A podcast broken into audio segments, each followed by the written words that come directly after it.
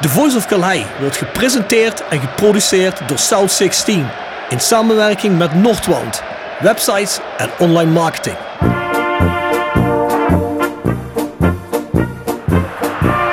René van de Kerkhof, kom!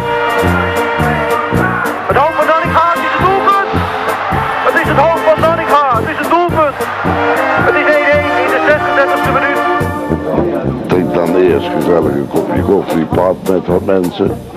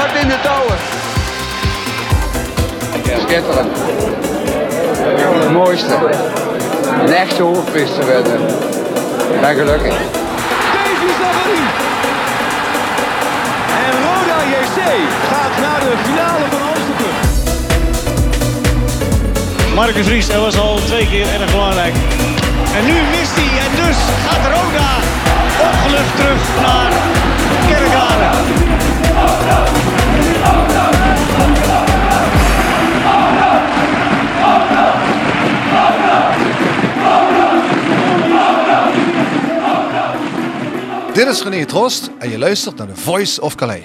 Ja, daar zijn we. Weinig introductie voor niks vandaag. We gaan gewoon verder waar we gebleven zijn. Met wederom onze gast Wim Collard. Wel welkom Wim. Dankjewel. Leuk. Ja, waar waren we blijven staan mannen? Ja, we we- nog? ik heb dat een beetje nagekeken. We waren een beetje gebleven bij de periode Ton Kanem. Ik denk Ja, dat we daar maar ook weer eh, verder moeten gaan. Want Wim heeft de vorige keer verteld dat Ton eigenlijk een beetje is binnengekomen. Omdat hij connecties had bij Tottenham Hotspur. Ja, klopt. Ja, er zijn natuurlijk veel supporters. Die hebben in die periode geroepen van ja, die Kanen, die riepen hoop. En dat die contacten had bij Tottenham zal ook wel bullshit zijn. Maar het was dus echt zo dat hij daar contacten had hoog in de boom. Absoluut. Wij zijn, eh, en dat is altijd het leuke ook van dit, eh, dit beroep, naar de wedstrijd geweest. eh, Karab Tottenham tegen Karabach. Dat was eh, Europa League. En wij, dat was toen eh, twee commissarissen, Ton Kane en ik, met z'n vieren. Eh, zijn te gast geweest bij, eh, bij Tottenham. En hebben daar ook kennis gemaakt met, eh, met Levi, de eigenaar van Tottenham. Dus het was, het was in dat opzicht geen gebakken leugen. Er lagen wel duidelijk lijntjes. Die lagen via de contactpersonen die Ton ook had in zijn eigen, met zijn eigen bureaus. Maar ja, voor ons was het wel een bevestiging dat er iets mogelijk was op dat front. En het was ook noodzakelijk op dat moment om daarnaar te luisteren. Mhm. Oké, maar de vraag is natuurlijk wel... Ton introduceert die club bij Tottenham. Maar het hoeft niet per se te betekenen dat hij technisch directeur moet worden natuurlijk. Waarom is daar uiteindelijk voor gekozen? Ja, toch was het de overtuiging, eh, en, eh, en kijk, ik ben algemeen directeur en ik mag een handtekening zetten onder het contract. Maar het was wel de overtuiging van eh, en de Raad van Commissarissen. Ehm, en ja, ook Frits speelde op de achtergrond al een rol. Hij was toen nog geen eigenaar. Maar in ieder geval de mensen die, ja, die het voor het zeggen hadden, hadden wel zoiets van met de intenties en de mogelijkheden bij Tottenham. Ja, moeten we dit eh, niet voorbij laten gaan. En ja, inherent daaraan was wel de functie die Ton Kahn ging bekleden als technisch directeur bij Rode JC. Dus het was of geen Tottenham en geen Ton Kane, of Ja. Tottenham met Ton Kane. Ja, dat was eigenlijk wel een beetje eh, het Ja. verhaal. dat was in zover op dat moment natuurlijk opvallend. Hè? Want In die periode had je toch dat onderzoek van Han Berger. Dat is een rapport. En dat vind ik altijd, en dat zingt nog altijd in de, eh, eh, ja, niet in de media, maar met name ook op eh, diverse supportersgremia rond van, ja, dat rapport is naast, heeft de Rode C naast zich neergelegd. Ja, dat is altijd een terugkerend argument, nog ja, altijd. en eigenlijk, ja. Ja. we hebben het gepresenteerd bij het personeel. Nou, met alle respect, eh Best FC heeft geacteerd, maar is ook door eh, vriendelijk bedankt voor de diensten in oktober, vroegtijdig. En waarom? Omdat de adviezen die er kwamen, was 80% open deur. En daar waren we echt mee bezig naar de terugkeer in de eredivisie. En 20% van de adviezen was ook een beetje gericht ehm, buiten het, het de adviesfunctie die men opgelegd had gekregen. Even voor de duidelijkheid, er was gevraagd om een profielschets te maken voor eh, de directie binnen Rode JC. En het opvallende is dat Best FC in haar rapport niet kwam met een profielschets, maar met een naam. En laat dat nou net een naam zijn van een persoon die heel dicht tegen de twee personen aan leunde die het onderzoek verrichten. En dan moet je je afvragen in hoeverre is dat onderzoek objectief. En dat is ook een van de redenen geweest waarom de Raad van Commissarissen destijds heeft besloten om de band met, met dat bureau ook vroegtijdig te beëindigen. Johan de Kok toch? Dat was Johan de Kook, een vriend van Han Berger. Mm. Oké, maar hadden zij niet gezegd van wat je ook doet, niet Ton Kane aanstellen? Ja, eh, nou oké, maar ze zeiden meer. Ja, goed, eh, maar het was al duidelijk. En Han Berger en Gertjan Steensam, dat waren de twee mensen, die zijn binnengekomen via eh Kalasic. En Kalasic en Ton Kane, die zijn maar eh, twee weken redelijk bevriend geweest. En dat is de transferperiode geweest in de, in de winterwindow. Toen waren het echte maatjes. Totdat eh, de selectie weer stond en toen was het afgelopen. Dat, eh, waar dat door gevoed is, om te zeggen je moet niet Ton Kane pakken. Ehm, ja, in hoeverre dat het objectief is, of dat er met name een subjectieve argumentatie aan de grondslag ligt, ja, geen idee. Achteraf zijn er wel heel veel mensen geweest binnen de organisatie die toen geroepen hebben van ja, we hebben altijd gezegd. En van het begin af aan, je moet niet met Ton in zee gaan. Want we kenden hem al als hoofdjeugdopleiding en dat was toen al een fiasco. Was dat toen bekend of hebben die mensen toen ook gezegd hebben- van dit moet je niet doen? We- Er is wel een navraag gedaan bij mensen van oké, geef redenen en argumentatie waarom dat we Ton niet zouden moeten aannemen. Was natuurlijk wel ook enige tijd verstreken na zijn vertrek bij Rode JC. Heeft zijn, eh, in het buitenland actief geweest. Maar er kwamen geen eh, steekhoudende argumenten om te zeggen van, ja, en daarom en daarom zouden we het niet moeten doen. Op dat moment. Mhm. En logisch, kijk, achteraf, als ik weet dat ik ga vallen, ga ik liggen. En, eh, en dat is ook een van de dingen die ik heb gezegd. Ook ik heb fouten gemaakt, maar in hoeverre maak je fouten die je had kunnen voorkomen met de wetenschap van toen of met de wetenschap van nu? Ja, dit is Ja. er eentje. Maar zou er niet al een red flag moeten zijn, dus een belletje moeten rinkelen als je ziet dat Ton in de jaren daarvoor volgens mij in, in 12 jaar 14 of 13 clubs heeft gehad?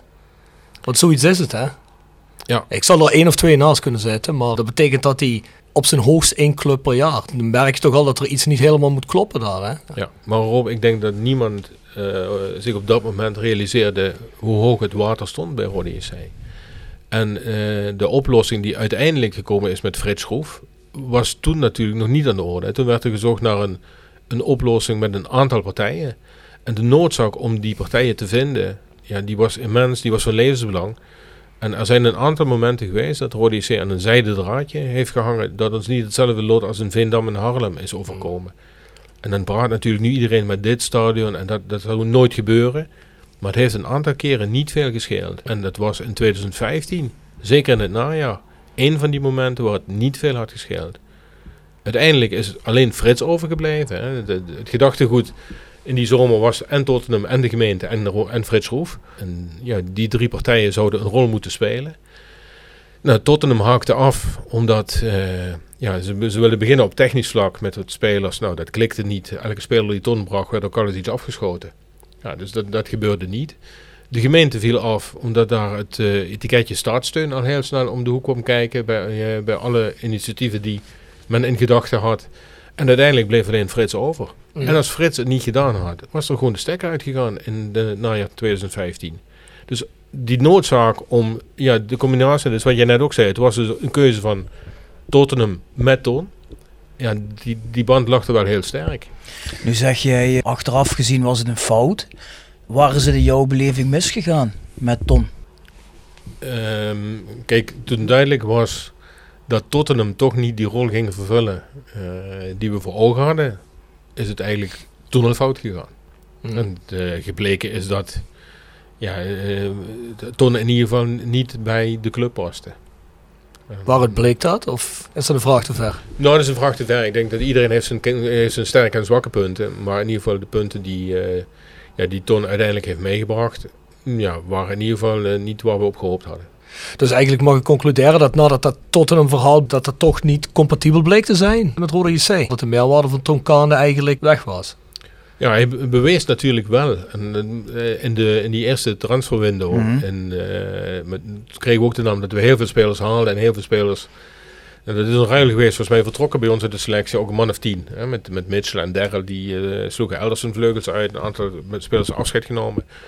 Maar toen kregen we natuurlijk wel een aantal spelers met Inseman, eh Zukov, Milek, eh, Poupon van Duinen. Waar ik van zeg van, nou, ik was daar best wel tevreden over. En dan roept iedereen, Wim heeft geen verstand van voetballen. Maar met Inseman, Zoekhoff en Milek vo- vond ik toch dat we drie spelers binnenkregen die ik, eh, die ik nu graag in de selectie zou hebben. Met Rick Plum hebben we het er kort over gehad. Was het niet ook het jaar waar die drie Australiërs kwamen in het begin van het seizoen? Eh, Tommy Ja, Griffith, Tommy Juric. die kwamen en aan het begin van het en eh, Daniel Ja. da Silva.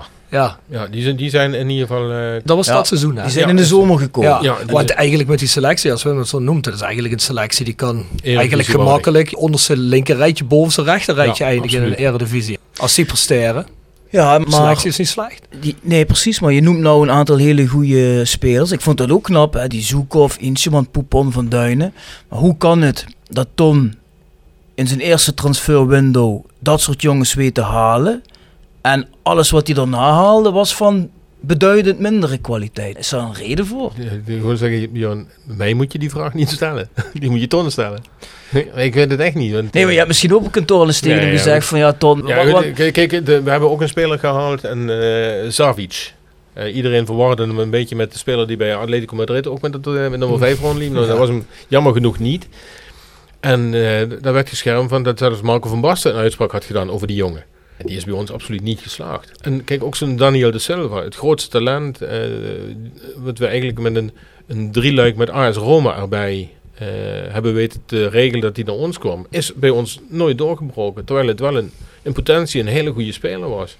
Ja, waar ligt het aan dat eh, in sommige windows je goede spelers binnenhaalde en de andere spelers, andere window, ja, in ieder geval kwalitatief veel mindere spelers. Ja, kijk, achteraf kunnen we van alles verzinnen en kunnen we van alles gaan eh, ja, bedenken waarom dat, dat, eh, welke belangen er gespeeld hebben, maar ja, dat was toen niet aan de orde. Ja, ik vond het wel heel gek, omdat toen wij met het platform met Ton spraken, zei hij tegen ons van ik heb op al die jongens een optie. Poupon van Duinen, als ik wil kunnen we die na de zomer gewoon bij Roda houden. Dus ik had zoiets van ja goed, dat zal je dan ook wel doen, want ja, ik bedoel, zit ik voor Roda prima spelers. Uiteindelijk bleef niemand daarvan.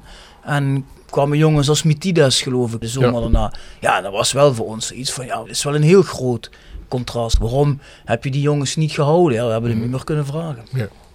Maar die eerste transferwindow, is die dan misschien beter gescout geweest? Met misschien whole scouting en dat soort mannen. En dat tweede transferwindow, dat was toch dat jaar dat heeft het geld erin stak en de winter of niet? Ja, het tweede jaar, tweede jaar toen, eh, toen Alexei het geld erin stak, toen waren we eigenlijk maar in de, hadden we eigenlijk maar de mogelijkheid om twee spelers te halen. En die hadden we toen al vastgelegd. Ah, oké. Het was eh, een spits uit België, ook een, eh, een Scandinaviër.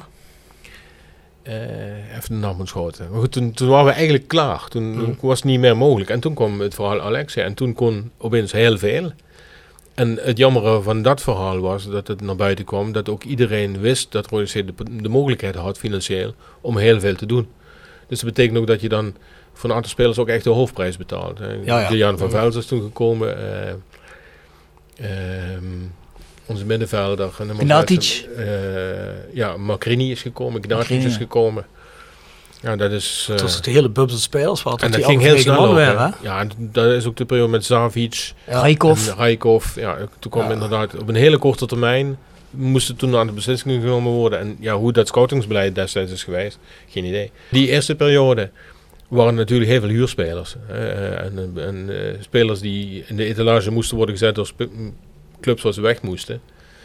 En een van de mensen die dat niet was, dat was, eh, was eh, Insman. Omdat zijn broer eh, Oost, ja, bij Rode C natuurlijk betrokken is als sponsor en ook als een vaste supporter. En die had me al een aantal jaren gek gemaakt. En ik heb altijd geroepen, dat kunnen we niet betalen. En ik ben wel op zich als voetballiefhebber blij dat we een, een half jaar hebben mogen genieten van, van Ugur Inseman. Want ja, dat was in mijn opzicht ja, een absolute leider op het veld. Ja. dat was hij ook. Waar is hij eigenlijk in verdwenen? Naar Turkije.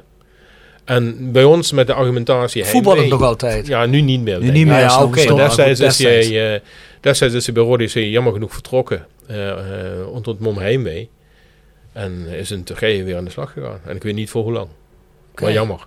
Ja, dat was ook jammer. Ja, dat was eh, echt een genot om naar zo'n gast te kijken. En die straalde heel wat uit natuurlijk. Ja, want ik vraag me ook af, er gaan altijd de geruchten, hè? ik weet dat we niemand iets aan moeten praten, maar er zijn altijd veel geruchten gegaan zijn dat Ton. Ach, Ton. Collaar, Ton Oh. Kane, oi, oi, oi, oi, oi, oi, oi. Dat Wim Collaar, nee. nee, dat Ton Kane zich... Wim eh, Kane, Ja, we beginnen, we beginnen, alles door elkaar te gooien. Het bier is nog niet eens op. Ja, daarom misschien. Ja. even knippen. Nee, maar eh, dat Ton Kane Zeker aan die tweede rij transfers, dat hij daar zelf een beetje de vinger mee in het spel zou hebben. Met connecties met, eh, met Zaakwaarnemers, agenten, ja. zaakwaarnemers en dergelijke. En dat daarom zo'n bizarre collectie aan spelers gekomen is. Want ja, wat hebben we uiteindelijk van die 9 of die 10 man gespeeld? Volgens mij maar twee man of zo uiteindelijk. Genau, die Jim McCready, hè? Ja, Velzen. een beetje. hè. Maar die anderen, er zijn er jongens bij, die hebben volgens mij geen Nee. wedstrijd gespeeld. Nee. Of die hebben misschien twee invalbeurten gehad. Ik kan me niet voorstellen dat, dat je niet van tevoren ziet bij vijf, zes man dat dat eigenlijk alleen maar jongens zijn voor de bank. Kan ik me niet voorstellen. En ik bedoel, als je een beetje technisch directeur bent, dan weet je toch ook, als jij negen man in de winter haalt, en je hebt al in het begin van het seizoen, wat waren er toen ook een man of acht, negen gehaald? Wat dat seizoen zijn volgens mij 18 of 20 spelers Ja, is gehaald. wel hè? geweest, ja. En er is dus al het begin van het seizoen heel veel. Oké, er zijn ook spelers gegaan, maar er is een hele grote wisseling van de wacht geweest. En in winter, die mensen beginnen misschien een beetje aan elkaar te wennen. En dan komt er weer een hele bubs nieuwe spelers. Als technisch directeur moet je toch eigenlijk weten dat zoiets niet functioneert. Het zijn misschien twee vragen in één. Of denk jij dan, uit jouw opzicht is dat geweest omdat het een beetje paniekvoetbal was? En kom op, we hebben nou geld, dus laten we ook maar spenderen. Geen idee. Ja, ik denk dat het paniekvoetbal, gezien de stand op de ranglijst, eh, absoluut heeft meegespeeld. In het aanschaffen van, eh, of in ieder geval het aantrekken van spelers. Eh, de, vraag waar je mee begon, van de geruchten die de ronde deden, dat Ton in ieder geval zou verdienen aan komsten van spelers. Ik heb die geruchten ook gehoord. En de mensen die geruchten verspreid hebben, heb ik altijd geroepen, kom met een bewijs. Iemand die mij het eerste bewijs, al is het voor een paar duizend euro, laat zien dat Ton Kane over de rug van Rode JC geld verdient. Ik hang hem op aan de hoogste boom die er is. Want het is not done en dat zou ik absoluut nooit geaccepteerd hebben. Er is nooit een bewijs gekomen dat dit het geval is. Dus ja. En op geruchten is het moeilijk beleid maken. Uiteraard, En uiteraard. eh, daar moet je je ook niet door laten leiden. Maar Nee, goed, eh, kijk, achteraf is het natuurlijk opvallend. En, eh, zeker de kwaliteit van de spelers die gekomen is. En, en ook uit welke landen dat je denkt van, hm, hm, hm. maar goed, niet, Ja. niet doen. Nee, je moet het wel kunnen bewijzen natuurlijk, Ja. hè. en dat blijft moeilijk. Maar is dat dan in zo'n tijd als mensen weten dat je dan een hele brok geld te spenderen hebt, zeg je al, hè? dan worden spelers bij een stuk duurder dan dat ze zijn als je er een vierde van hebt. Maar zie je dan ook een verhoging aan van faxen en telefoontjes die je binnenkrijgt en hoesje zakenwaarnemers en wat zich opeens op het stadion allemaal komt melden. Dat soort zaken loopt dan over het bureau van de technisch directeur. Ja. En dat liep in ieder geval niet over mijn bureau. Dus nou, dan weet ik niet wat er allemaal nog aangeboden is eh, waar we niet op gereageerd hebben. Ja, er was natuurlijk wel een shortlist. En eh, ook de mensen in de scouting bij Rode C, ja, iedereen zei van oké, als we Elmar Krini kunnen halen, want die zat toen in Denemarken. En Mo speelde een geweldig seizoen. En eh, er was een eh, eh, gerenommeerd iemand uit de voetbalwereld die zei van oké, als we hem kunnen krijgen, ik ga hem op de fiets halen. Dat, dat moet natuurlijk niet bij een aantal mensen bekend worden, want er komt geen nul achter de, de, het salarispraatje, dat niet. Maar hij, wordt een mens, hij wordt een stuk duurder. Giuliano van Velzen was natuurlijk het talent in de, in de, destijds in de Jupiler League. Hij werd een beetje gezien als de nieuwe Chatley of wat dan ook. Ja goed, Volendam moest, eh wilde hem graag verkopen. En ik ben ervan overtuigd, als Alexei niet de ronde had gedaan, was, hadden we misschien een kwart moeten betalen van wat we nu betaald hadden. Maar dat is dan het gevolg van. En dat is op zich Ja, best wel jammer. We wilden nog bij Ajax die middenvelder huren, hè, die Afrikaan. Maar die wilde toen niet naar Roda komen. Kan ik me nog herinneren. Dat is zo- Ja, klopt. Ik ben even de naam kwijt. Ja. Die is later nog naar Vitesse, Vitesse gegaan. geweest. Die controleur. Ja. Nou, ja. Een S. Maar goed, ik, ik weet... nou ja, ja, ja. ja ik kom, kom we hebben, we hebben nog een op opmerkelijke naam eh, aan het, eh, aan het bureau gehad. Ik ben op oudjaarsavond, of oudjaarsmiddag, heb ik met, met Ton Kane in Maastricht in een hotel gezeten met Emmanuel Eboué.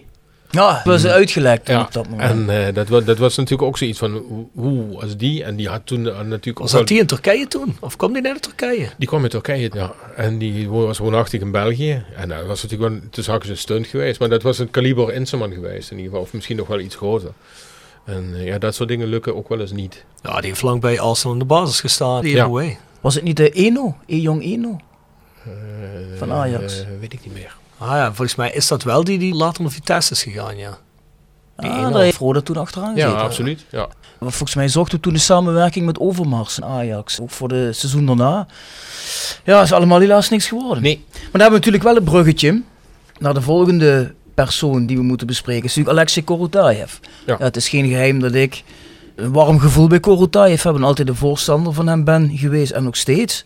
Hoe kijk jij terug op de persoon Korotayev? Dan delen we die mening in ieder geval. Dus dat leidt tot weinig eh, discussie. Ehm, kijk, Korotayev eh, de, de, eh, hoe die is binnengekomen bij Rode is al onbekend. En toen ik Alexei voor de eerste keer ontmoette en de dagen met hem heb doorgebracht, toen had ik zelf zoiets van, dit is eigenlijk de jongere versie van Frits Schroef. De bedoelingen die Alexei uitte, wat hij graag met de club zou willen en waarom dat hij een voetbalclub graag zou willen hebben en wat hij daarmee wilde doen, sprak me zo ontzettend aan. En ik geloof tot op de dag van vandaag dat er geen één woord van gelogen is. En eh, ik, heb, eh, ik heb Alexei eh, ja, in ieder geval mogen leren kennen als een, een heel warm en bijzonder persoon. Heel gedreven. In, in zijn kielzorg komt natuurlijk Nicolas Anelka mee. Dat, dat is op zich een, le- een leuke eye-catcher. Maar alleen op, op zich het, het feit dat Korotayev dit is overkomen. En kijk, wat ik me af en toe ook afvraag. Als dit dus niet was gebeurd. Als hij die interesse bij Rode niet kenbaar had gemaakt. Had hij wellicht geen drie jaar... eh, zo'n ver- verschrikkelijk leven gehad Mhm. in Dubai. Want dan was het nooit aan de, aan de oppervlakte gekomen. En dan eh, dat, dat, eh, dat mensen daar ja, toch misbruik van hebben gemaakt. En ik vind het voor de persoon zelf heel erg triest dat hij door Rode IC ja, dan ook dit heeft moeten meemaken. En ik, ik, ik weet zeker dat Alexei ja, de beste bedoelingen had. En, en logisch, wij hebben eh, ook ons huiswerk gedaan. Of het, eh, of het betrouwbaar was. En, eh, want we, ik heb hem ook meteen gewaarschuwd toen Kotaev aanklopte. Van Alexa, hou er rekening mee. Je wordt tot op het boot gefileerd. We hadden net het doyen vooral bij Twente gehad. We hadden de Chinezen bij ADO. En Alexa zei van, ze mogen alles van me weten. Mogen alles nakijken. En toen hij de tweede keer naar uh, Rode C kwam. toen vroeg hij zelf van, nou, als ik de avond aankom, kun jij voor mij en voor ons een afspraak maken bij de KNVB de dag erna, zodat ik mijn zegje kan doen. En we zijn meteen de dag erna zijn we, hebben we in Zeist gezeten aan de grote vergadertafel. Met het gezelschap aan on- onze kant en met de KNVB. En Alexei heeft daar heel duidelijk kenbaar gemaakt wat hij graag wilde. En we hadden toen nog eigenlijk het idee om eigenlijk de, een, een voorbeeldcase te maken van de overgang naar uh, van Frits. En omdat het Nederlands voetbal destijds ook wel gebukt ging onder een aantal buitenlandse affaires. En dus, uh, ja, dat was het idee. En ja, jammer genoeg uh, is daar uh, ja, niks van terechtgekomen. Ik heb heel vaak bij mensen Alexei moeten verdedigen. Hè. Mensen die zeiden van, ach, daar klopt er geen hol van. En wat moet zo'n man nou met een club hier en heeft vastgezeten en is een crimineel.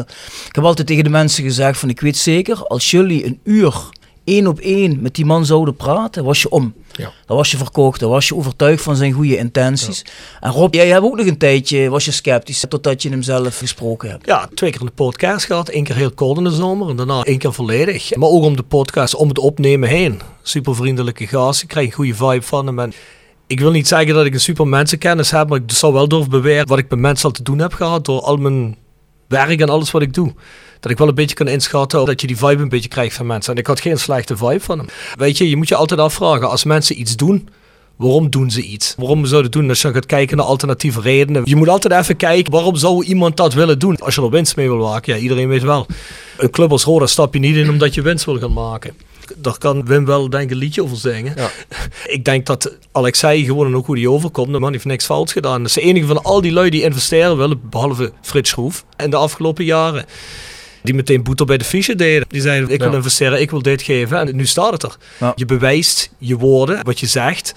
Dat doe je door daden. Dat doe je niet door een hele hoop dingen alleen maar te beloven. En dat heeft hij gedaan. En dat geeft mij een goed gevoel. Ja, ik vond het ook heel typisch dat hij zeg maar zeven maanden heeft vastgezeten en dan vrijkomt. En het eerste wat hij doet is weer contact zoeken, toenadering tot Roda. Ja. En dan weer uitspreken, ondanks die, ja, die ellende waar hij in zit. Van ja, ik hoop nog altijd dat ik in de toekomst wat met Roda kan doen. En dan denk ik van ja, weet je, als jij van jezelf weet, je hebt criminele zaken gedaan of je deugt niet. Dan is het niet het eerste waar je aan denkt als je vrijkomt. Ik wil graag weer naar Kerkrade, naar Rode IC. Dan heb je hele andere dingen aan je hoofd. Dus dat tekent wel ja, de, echte band die hij eh, met de club en de supporters had. En daar komt nog een keer bij, over al die jaren, dat hij dan in het begin heeft vastgezeten. En aan de hand dat hij dan vast zit in Dubai aan zich. Als ik alleen maar geïnteresseerd was geweest uit slechte redenen. Dan ga ik daar toch ook niet mee door statements te blijven geven. Nee. Dan was je toch op een gegeven moment moe van mee. Dan- jezelf. kruip je onder het tapijt Ja. en denk je van, eh, dit is wel goed geweest. Ja, dan heb je zoiets van, ja, het interesseert niet meer, dat is toch voorbij. En wij hebben hem geïnterviewd nadat het voorbij was. En dat hij zijn aandelen had verkocht. En dan was hij nog altijd even positief. Hij had ik toen kunnen zeggen, ja, jongens, het is voorbij. Ik leg het nog even uit, 15 minuten, en dan is het goed geweest. Maar die man die had nog altijd al intenties. Hoe heb je dat toen beleefd, Wim, dat je op een gegeven moment even geen contact meer met hem kon leggen? Omdat hij natuurlijk vast zat. Hoe was Ja, het voor jou? We, we hebben natuurlijk ook een hele tijd niet geweten dat hij vast zat. Totdat we in vertrouwen werden genomen dat dat het geval was. Eh, en ook met de, de informatie die we kregen wat de reden was. En we wisten natuurlijk niet van de hoed en de rand. Maar het was wel even schrikken. En dan zit je een hele tijd in onzekerheid. En dan, weet je toch niet van oké, wat is waar. En, eh, en zeker met de kennis die wij hadden. Waarom dat, die, eh, dat volledig betrouwbaar zou zijn, was het wel heel moeilijk te plaatsen. En, en dan ga je echt ja, toch ook denken, en we hadden naar Frits een belofte gedaan. Hè. Binnen drie jaar zit er een structurele oplossing. En in mijn ogen was Alexei de structurele oplossing voor ODC geweest. En dan, eh, dan valt er wel, voor de club valt er een kaartenhuis in duigen op dat moment. Omdat je niet weet hoe lang dat gaat, gaat duren. Je hoopt natuurlijk altijd dat een rechtszaak snel wordt beëindigd. Jij moet dat weten. Maar eh, ja, dit heeft ongelooflijk lang geduurd. En wellicht dat ook het land waar die zat daardoor, eh, daarvoor aanleiding heeft gegeven. Maar ik vond het eh, bijzonder spijtig voor hem. Dit gun je niemand. En zeker nu achteraf. Maar voor de club was dit, ja, dan begint er weer opnieuw een zoektocht. Voorzie je wel nog een toekomst voor Alexei bij Roda? Ik hoop het. Ik hoop het uit de grond van mijn hart. Omdat ik denk dat hij eh, een, een positieve impuls kan geven eh, aan dat wat de club graag wil. Ja, ik hoop dat als hij in de toekomst hier een keer op de stoep staat, en ik denk dat dat moment wel een keer gaat aanbreken, wanneer, dat weten we niet, maar ik denk wel, zodra hij kan, dat hij zich hier meldt. Dan hoop ik dat de mensen binnen de club dan ervoor openstaan om toch met hem het gesprek aan te gaan, om te kijken of hij iets kan toevoegen. Maar dat zal denk ik nog moeilijk zat worden, want je hebt toch in de afgelopen periode, misschien de afgelopen twee jaar, vanuit de club was het toch moeilijk om een positieve uitspraak over Lexi te horen te krijgen. Dan hebben we het met name over de periode G7. Daar hebben wij ook vaak gevraagd van ja jongens, eh, bel die man eens, ga eens een keer in Dubai bij hem langs. Maar dat wilde men niet aan. Dus ik hoop dat als hij zich in de toekomst meldt, dat er dan wel weer een mogelijkheid is. Ja, zeker weten. Ja, het kan zomaar de oplossing zijn. En misschien na de komende 2,5 jaar. Je weet het niet. Ja, nee, goed. Mensen hebben zich gebonden in de club voor drie jaar. En je weet het niet. Misschien zeggen ze ook wel, jongens, het is niet geworden wat we ervan gedacht hadden. En dan staan we weer daar. Hebben ze zich gebonden voor drie jaar of hebben ze zich in principe gebonden voor drie jaar? Ja, volgens mij in principe. Oké. Ja, oké. Ja. Ja, is- Ja. Dus het is, eh ja, ik het neem is geen dat zekerheid. Het is geen Nee, feit. maar als je, je verwacht, ja, je durft het niet te zeggen, sorry, je zei fan, maar je verwacht, hè, let, je verwacht potentieel een nuchtere en betere beslissing van die mensen als van zo'n Mexicaan natuurlijk. hè. Als die zegt, van, ja, het komt allemaal wel, dat is goed en ik verbind me langer en ik stop er geld in. Ja, deze mensen geloof je toch eigenlijk een stuk meer. Dus ja, ik neem aan dat die mensen wel weten waar ze ingestapt zijn en dat je niet, als het op het einde van het jaar het verlies is, dat ze zeggen van, ja, dit hadden we überhaupt niet verwacht. Dat kan Nee, niet, hè. ik denk dat in dat opzicht dat er nu een aantal mensen betrokken zijn waar we meer vertrouwen aan mogen geven dan Mhm. Een aantal andere mensen die, eh, die even de revue gepasseerd zijn. Hoe kijk je aan tegen buitenlands kapitaal? Denk je dat Roda kan groeien naar een eredivisie, misschien een stabiele middenmotor eredivisie zonder buitenlands kapitaal? Ik, ik, ik heb diverse eh, scenario's uitgewerkt in mijn zittende periode. En een van mijn droomscenario's eh, was er eigenlijk eentje met Ne- Nederlands kapitaal. En als je dan kijkt naar de aandelenverdeling, om 51% toch te houden, eh, daar waar je een beetje grip op hebt. 40% had ik het liefste, hè, maar het leidt op dus heel persoonlijk. eh, bij een buitenlandse club van een hoger niveau. Dus of het een Tottenham is, of een, eh een Schalke of wat dan ook. En 10% bij de supporters. En bij, sponsoren. Gewoon die verdeling. En dan heb je, denk ik, drie partijen die het eh, beste voor hebben. En waar ODC alleen maar beter van kon worden. En dat plan, ja, dat staat op papier. Eh, alleen de invulling om dat daaraan te geven, ja, daar heb je meerdere partijen voor nodig. En ook een rustig vaarwater. En wellicht dat we nu in een, een rustig vaarwater, of ja, we, dat ODC nu in een rustig vaarwater komt. Waar in ieder geval de mogelijkheid is om over dat soort scenario's na te denken. En of het dan buitenlands kapitaal is, of een, eh, een band met een, Duitsland, met een buitenlandse organisatie. Kijk, de Citigroep heeft ook bij ons aangeklopt. De Citigroep is ook bij ons aan- aan- aanwezig. En die hebben uiteindelijk toen voor NAC gekozen. Maar, en waarom? Eh, en veel eh, liefhebbers horen dit graag. Een van de tekortkomingen die wij hadden was kunstgras. Citigroep was daar een absolute tegenstander van. En, en de Citigroep, wa- een van de eisen die ze hadden, de spelers die ze brachten, en die moesten wel spelen. Ja, en dan ga je natuurlijk, en daarvoor moet je altijd opletten als je de hand in elkaar staat met een buitenlandse club, dat je niet je ziel verkoopt. Ziel en zaligheid. En, eh, dus er moeten wel hele goede eh, afspraken zijn. Ja, NAC heeft ook weinig plezier aan beleefd tot dusver. Dat klopt. En Ja. nu zitten ze bij Harm natuurlijk, hè. In Lommel. Dus, eh, Ja, is het zo? ja, volgens mij wel. Ja, ik weet niet. Ja, ja. Volgens mij, ik ja, maar dan steken ze meer geld in dan bij NAC natuurlijk. Bij NAC was het alleen maar, je mag goed jonge gastjes huren, Ja. toch? Ja, want ik had zoiets van, ook wel met het Tottenham verhaal, dan begrijp ik wel dat dat op een gegeven moment water je tot de lippen staat. Maar idealerwijze wil je ook niet een club worden, zoals jij al zegt, waar je verplicht wordt door een andere franchise, ja, een andere voetbalclub in het buitenland, je wil opgelegd te krijgen. Dat je een beetje, ja, noemen ze in het Engels, de whipping boy wordt van zo'n club. Dan verkoop je niet alleen je ziel, maar ja, ook je hele trots als club. Ja. Als je daarvan afhankelijk wordt. Vind ik altijd zo jammer. Ja, nou is dat natuurlijk wel een heel duidelijke structuur. Maar dat Red Bull Salzburg en dat Red Bull Leipzig. Als er iemand goed voetbal in Salzburg, wordt meteen doorgeschoven naar Leipzig. Ja. Worden van die gasten gestald. Maar dat Salzburg, dat komt nooit erg ver ergens in Europa.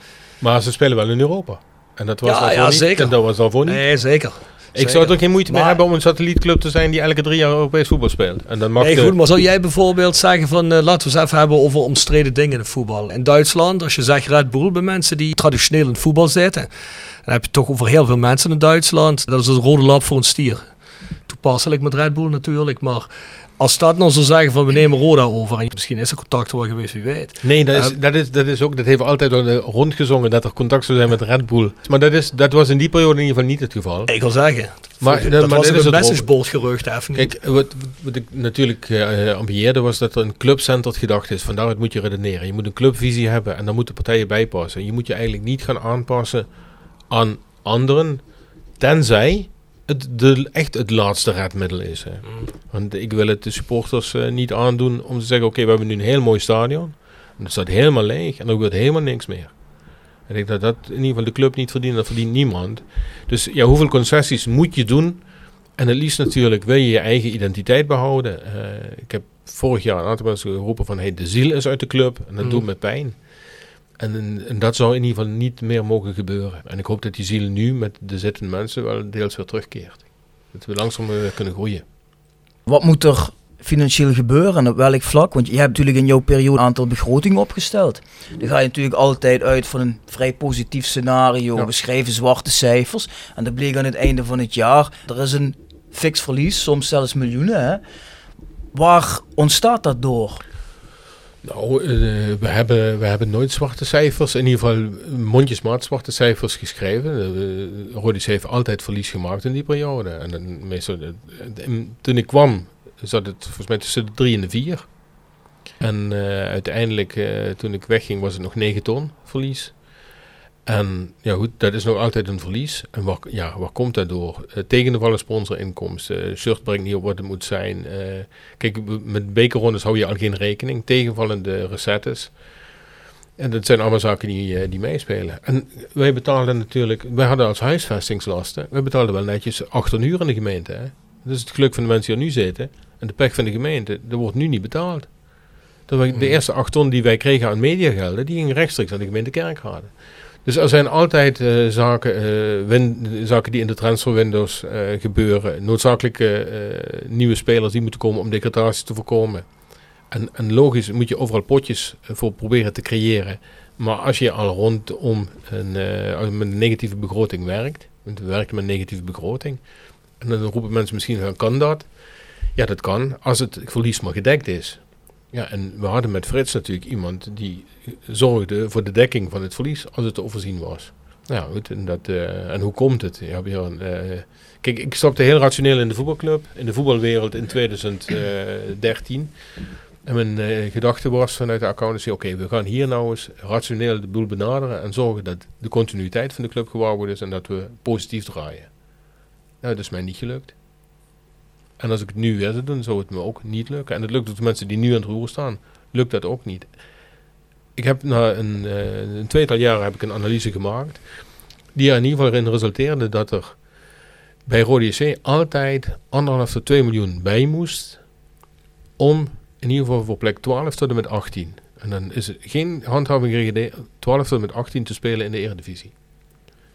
En ja, goed, misschien moeten we ook erkennen dat dit gebied te klein is om heel veel geld uit de markt te halen. En je hoeft geen spelers te hebben die 2,5, 3 ton verdienen. En dat, dat deed ook de ronde. Dat was ook al jaren niet meer het geval. Maar het is gewoon, voetbal is gewoon duur. En investeren in een voetbalclub, en dat is wat, wat Rob net ook zei, van Alexa had niet de intentie om hier geld aan te verdienen. Als je uh, geld in de voetbalclub steekt, ja, ik heb mensen horen zeggen, je kunt het net zo goed verbranden.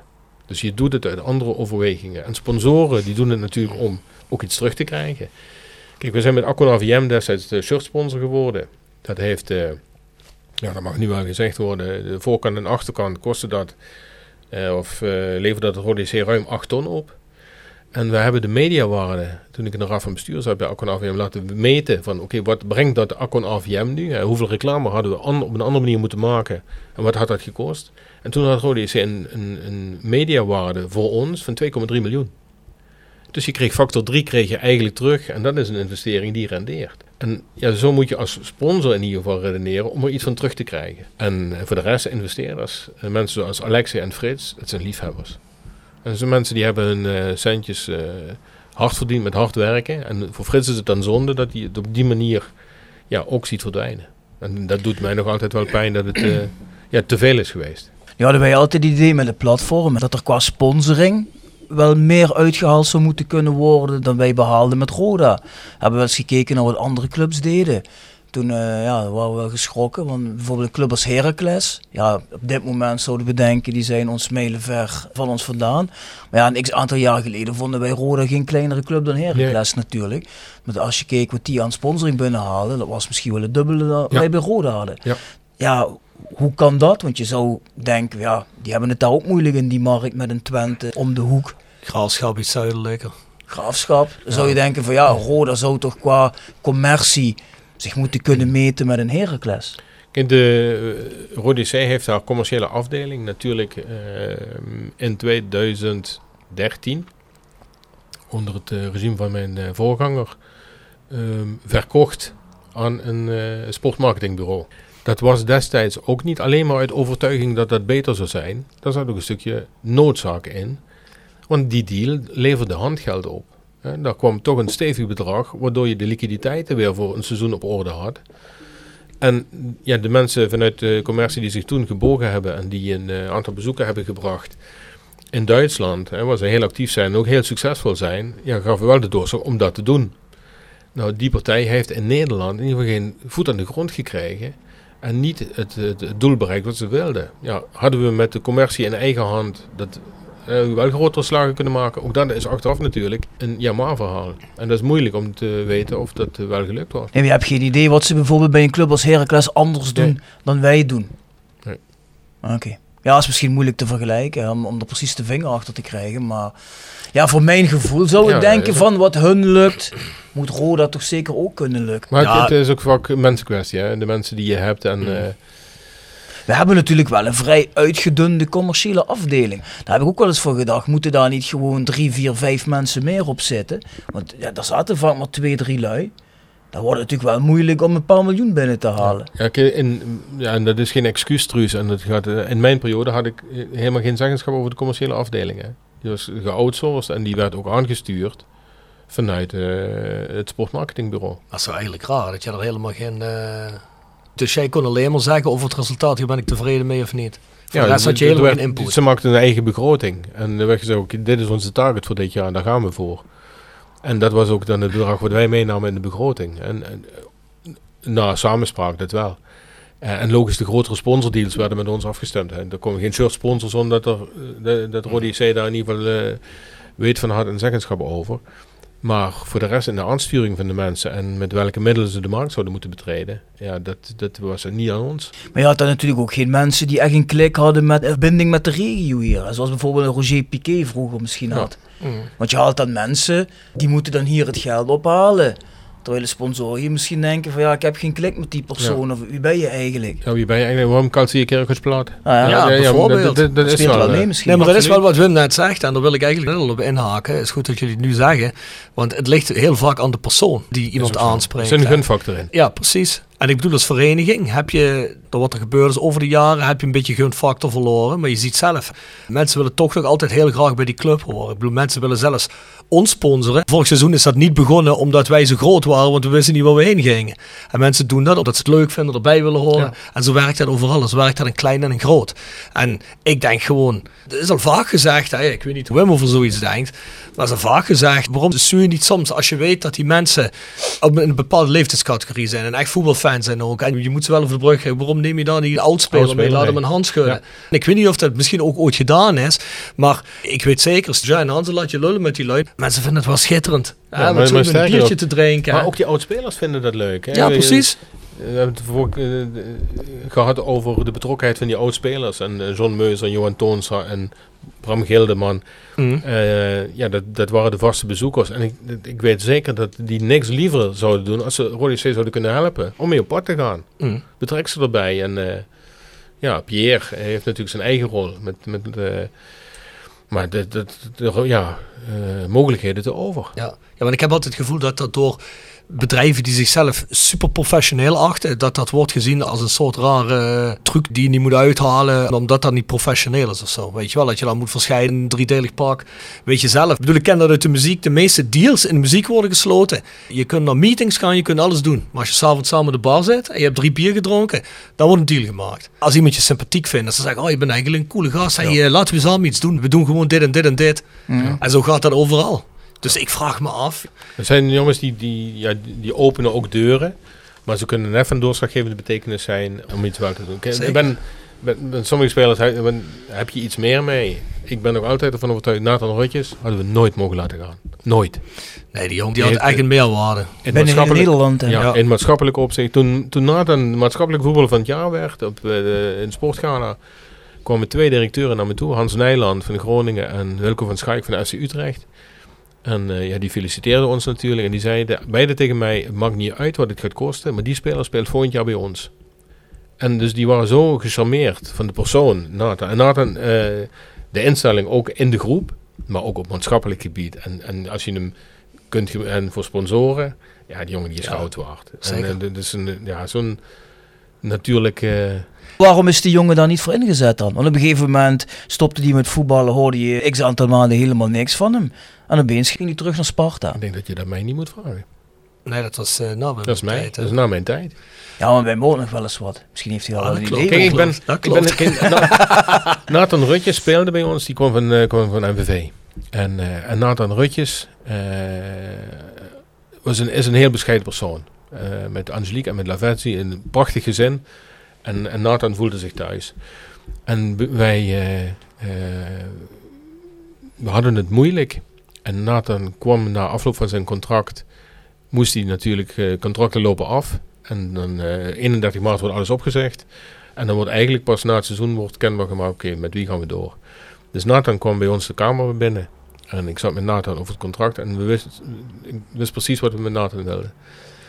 En Nathan eh, was eigenlijk bang, omdat hij weinig speelminuten had gemaakt, van ja, ik krijg geen contractverlenging. Mhm. En de boodschap die Nathan toen kreeg, en tegen Nathan heb ik gezegd, Nathan, jij kunt bij Rode C altijd een boterham verdienen. Je krijgt geen contract voor het leven nu, maar we maken een contract dat je als voetballer bij Rode C, ben je volgend jaar gewoon bij de selectie, is dit je salaris. En op het moment dat je niet meer voetbalt, dan is dit je salaris. En hoe we je dan gaan inzetten, dat is dan. En toen had hij een hele grote maatschappelijke rol. Eh, Nathan en midden in de maatschappij, ja, dat was, eh, dat was top. Dus Nathan eh, is met, die was helemaal ja, ja, dolblij natuurlijk met die boodschap. Omdat hij heel erg bezorgd is om zijn familie. En dat hij, dat hij gewoon als kostwinnaar toch kan zorgen dat het uh, gezinnetje rondkomt. En s'avonds uh, belde Nathan mij thuis op. En Nathan is de enige speler die altijd zei meneer Collard. Ik zeg altijd meneer Rutjes. En omdat hij, ja, dat, dat, dat bleef hetzelfde. En uh, die vertelde het verhaal van ik ben thuisgekomen en ik heb dat verhaal verteld. En Angelique zei tegen mij, waar, is, waar gebeurt dit nog? Waar is het mogelijk dat iemand, ja, een voetballer, ja, dusdanig benadert zodat hij weet dat het stukje onzekerheid wat hij heeft, dat, die, dat, dat is opgelost. En dat dit een grote greep was, was duidelijk. Twee maanden daarna werd hij maatschappelijk voetbal van het jaar. En dat mij was dat een bevestiging dat we een hele goede keuze hadden gemaakt. En het is jammer dat zo iemand verloren is gegaan. Ja, heb jij het gevoel dat soms die, die extra waarde ook echt wordt gezien? Of heb je het gevoel dat soms mensen echt gewoon alleen maar naar cijfers kijken en denken, ja jongens, einde contract, het gaat toch niet lukken, dat geld kunnen we beter sparen. Want ik heb in het bedrijfsleven, ja. als ik wel eens met mensen praat of bepaalde dingen doe, waar dan ook gekeken wordt naar budgettering, naar de lange termijn en de korte termijn, heb ik soms het gevoel dat mensen plank voor de kop hebben als het om de lange termijn gaat. Begrijp je wat ik bedoel? Ja, dat klopt ook. Ik, ik had het geluk om, uh, om ja, met mij met Nick Jansen, en Nick als voor het commer commerciële gedeelte nou, ja, uh, ook uh, geverfd eh, door, het, door het verleden als, als zakenman. Maar Niek had daar ook wel een oog voor. Eh, eh, Niek heeft ervoor gezorgd dat René Troost, Roel Brouwers, ook actief werden binnen de stichting. Omdat hij wel heel duidelijk ook de meerwaarde van die jongens zag buiten het veld. En, en, en dan voor het maatschappelijke gedeelte. En op commercieel gebied hebben we het eh, ja, gewoon niet goed gedaan. Om inderdaad oudspelers, eh oud-trainers eh, in te zetten voor dit soort zaken. Kijk, de, de zittende selectie, dan is het altijd een... Er zegt een trainer van, die moeten niet belast worden met dat soort zaken. Die, moeten, die hebben een rust nodig, die moeten trainen, die moeten voetballen. En voor de rest niet, geen veel flauwekul. Maar in ieder geval de oud-gediende, ja, daar, ja, absoluut. Dus je, zo, zo, er wordt inderdaad korte termijn gedachte, is vaak, heeft de overhand. Ja, zo'n Rutjes heb ik toen altijd voor gedacht toen hij wegging. Van ja, die jongen kun je toch 50% van zijn tijd de jeugd laten trainen. En de andere 50 gaat hij eh, sponsor opzoeken. Ja, sponsoren zeker. En dan had hij zijn eigen salaris toch terugverdiend. Ja. Ja. En ik kan je vertellen, als Nathan de jeugd traint, dan krijg je ook een jeugd die weet wat normen en waarden zijn. En die hun eigen tas opruimt en hun eigen schoenen meenemen. En ja, ja goed, het is gewoon een bijzonder mens. Ja, en je krijgt wat ook natuurlijk van onschatbare waarde is. Die jongen die is gewoon in medialand. Is die eh, is misschien geen all-celebrity, maar heel Nederland kent hem wel. En ja, dat is ook van onschatbare waarde. Zie je club gekoppeld is, als die naam elke keer weer valt. Als hij in beeld is of als er iets een nieuws item om hem is. Dus dat is eigenlijk reclame die je voor niks krijgt van een aantal zaken. Maar ja, ik weet even niet meer in welke periode Nathan vertrokken is, maar ik kreeg een donkerbruin vermoeden. Dus misschien moeten we even een periode opschuiven. Want we hebben Ton gehad, we hebben Alexei gehad. En dan komen we denk ik uit bij de G7. Hè? Wat is toen de reden geweest? Moet je ons even meenemen naar die periode, Wim, voor Ja. het oprichten van de G7? Ja, en duidelijk was dat, eh, dat, eh, dat Alexa in ieder geval geen, eh, ja, dat was in ieder geval geen zekere factor voor de toekomst. We hadden een belofte naar Frits om binnen drie jaar te zorgen voor een structurele oplossing bij Rode en niet zijn de Frits Schroef. Nou, dat momentum, hè, Frits is begonnen echt als eigenaar in november 2015. Dus ja, dan ga je richting 2018. Het is toch iets dat langer duurt. Nou goed, in het voorjaar van 2018 werd wel eh, heel duidelijk dat eh, de dreiging dat Frits ermee zou stoppen. eh, en met name ook door, door zijn adviseurs meermaals uitgesproken. Ja, dat die dreiging steeds dichterbij kwam. En, en Niek en ik, eh, we zagen het gebeuren. En toen dachten we ook, ja, maar dit kan, eh, je moet iets, eh, we moeten actief worden. En we hebben toen onder de, de, het mom de bende van vijf, hebben we een aantal mensen bij elkaar gehaald. eh, om na te denken van, oké, op welke manier zouden we nu wel voor dat stukje continuïteit naar volgend seizoen, al is het maar voor een jaar, eh, kunnen nadenken. Zodat in ieder geval eh, die dreiging die er was van, van Frits zoiets. En als het aan Frits lag, ben ik nog altijd van overtuigd, gaat er geen stekker uit die, uit die club. Maar om die dreiging te voorkomen. Met, met, met die drie andere mensen zijn Nick en ik aan de slag gegaan om een plan uit te werken. Om te kijken, oké, hoe, kan, hoe kan het gerealiseerd worden? Nou, de- uiteindelijk is er nog een zesde persoon bijgekomen. En tegen de, de zomer, eh, dus toen de dikke... Kun je zeggen wie dat zijn of zit daar een embargo op? Nou, dit, tegen, nou nu, mag, nu mag het... eh, op dat moment de bende van vijf. Dat was Bert Peels, Frans Vonken, eh, Rob Hupperts van eh Nick en ik. Dat is het, en ja, dat, dat, dat is in ieder geval de mensen die meegedacht hebben. Maar hoe kwam je specifiek op die vijf mensen? Hadden die al wat met Roda? Nee, he- helemaal niet. Maar het waren mensen uit het netwerk van Nick en mij. En we hadden zoiets van, het moeten wel mensen zijn die iets met de regio hebben en die het belang van de club onderkennen. Want ik zou denken, in eerste instantie ga je misschien kijken bij je vijf grootste sponsoren of zoiets. Want, want, want, dit waren dus niet mensen Nee. die per se al bij Roda betrokken Nee, nee. waren. Het, het ging ons met name van hoe vinden we, en niet dat die, dat die mensen het moesten doen, maar het ging ons om iets te bedenken van oké, hoe kunnen we anderen in ieder geval iets verzinnen om in ieder geval die continuïteit van die club te waarborgen. Dus het begon een beetje als een think tank. Ja, is het ook begonnen. En niet Ja. met mensen eh, de- die geld opdagen, maar gewoon begonnen als, als ding.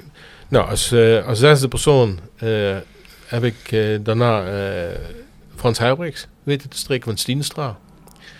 En met die zes het gedachtegoed en zeggen, oké, hoe, kan, hoe kan nou iets? Nou, toen de, de nood hoog werd dat het echt om, eh, ja, dat de spijkers met koppen geslagen moesten worden, hebben we op een zaterdagmorgen een, eh, een afspraak belegd in het stadion. En daarvoor hebben we een aantal mensen uitgenodigd, vanuit het netwerk ook van de, hè, de bende van vijf, om te zeggen, eens kijken in hoeverre dat die mensen die dan aan tafel komen, dat die iets voor de club kunnen betekenen. Dat die een stukje waarborg kunnen geven naar volgend jaar. Dat was een zaterdagochtend. En eh, die zaterdagochtend zat, eh, en ik weet niet of ik nu mensen ga overslaan en tekort doe, maar er zat Stijn Jansen bij, en de contactpersoon via Alexei. Er zat Frans Timmermans bij. Er zat eh Niek Jansen, Hesselmeijer, Kees Kuiken, Jan Bagge, Leo Berendonk, ehm, ik zei de gek, eh, Frans Herbergs. Dat was het gremium wat aan tafel Bert Beels. Bert Peels oh, aan tafel zat. En ik had op dat moment de begroting gemaakt voor het seizoen eh 18-19. En dat, ja, ondanks dat ik vertrok, was dat wel nog een opgave die eh, in juni bij de KNVB moest zijn. Is, even als ik je onderbreek, is dat ook de periode dat Huub Mullenders dreigde met een faillissementsaanvraag? Ja, ja, dat is eh, dus. dat- maar dat, die dreiging die liep al eigenlijk vanaf begin 2018. Dat duidelijk was dat Frits niks meer ging doen.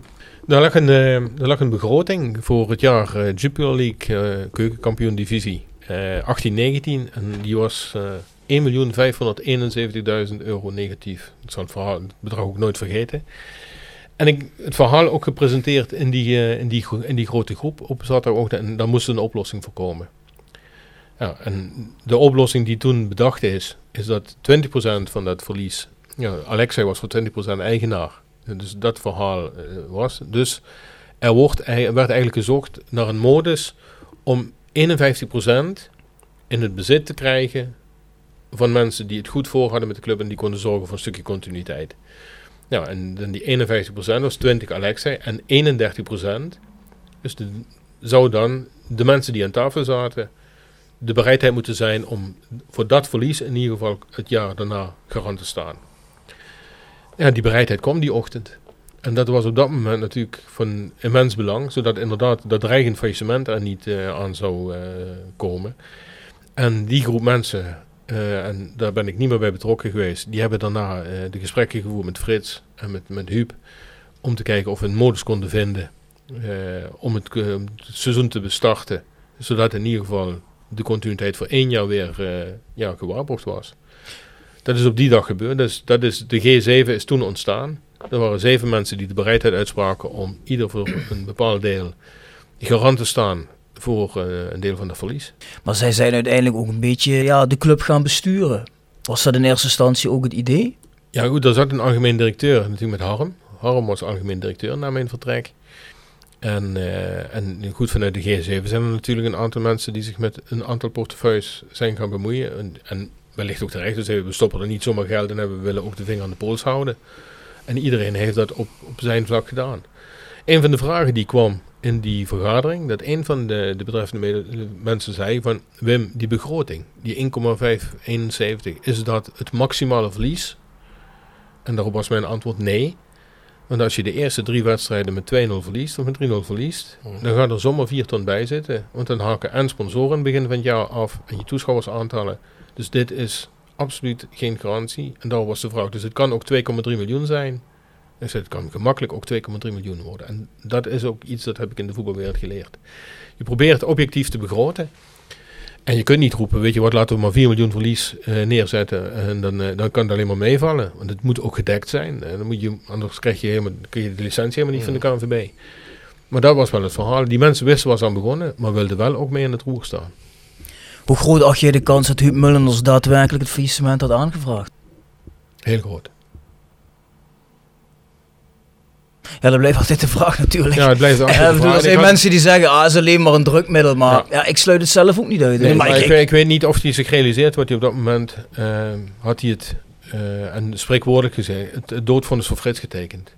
En met alles wat Frits voor, die, voor de club heeft gedaan, vanaf 2013 eigenlijk, er was dan in één, met één pennenstreek was daar, eh, was er niks Ja. meer van overgebleven. En dat, dat, had ik, dat had me de meeste pijn gedaan.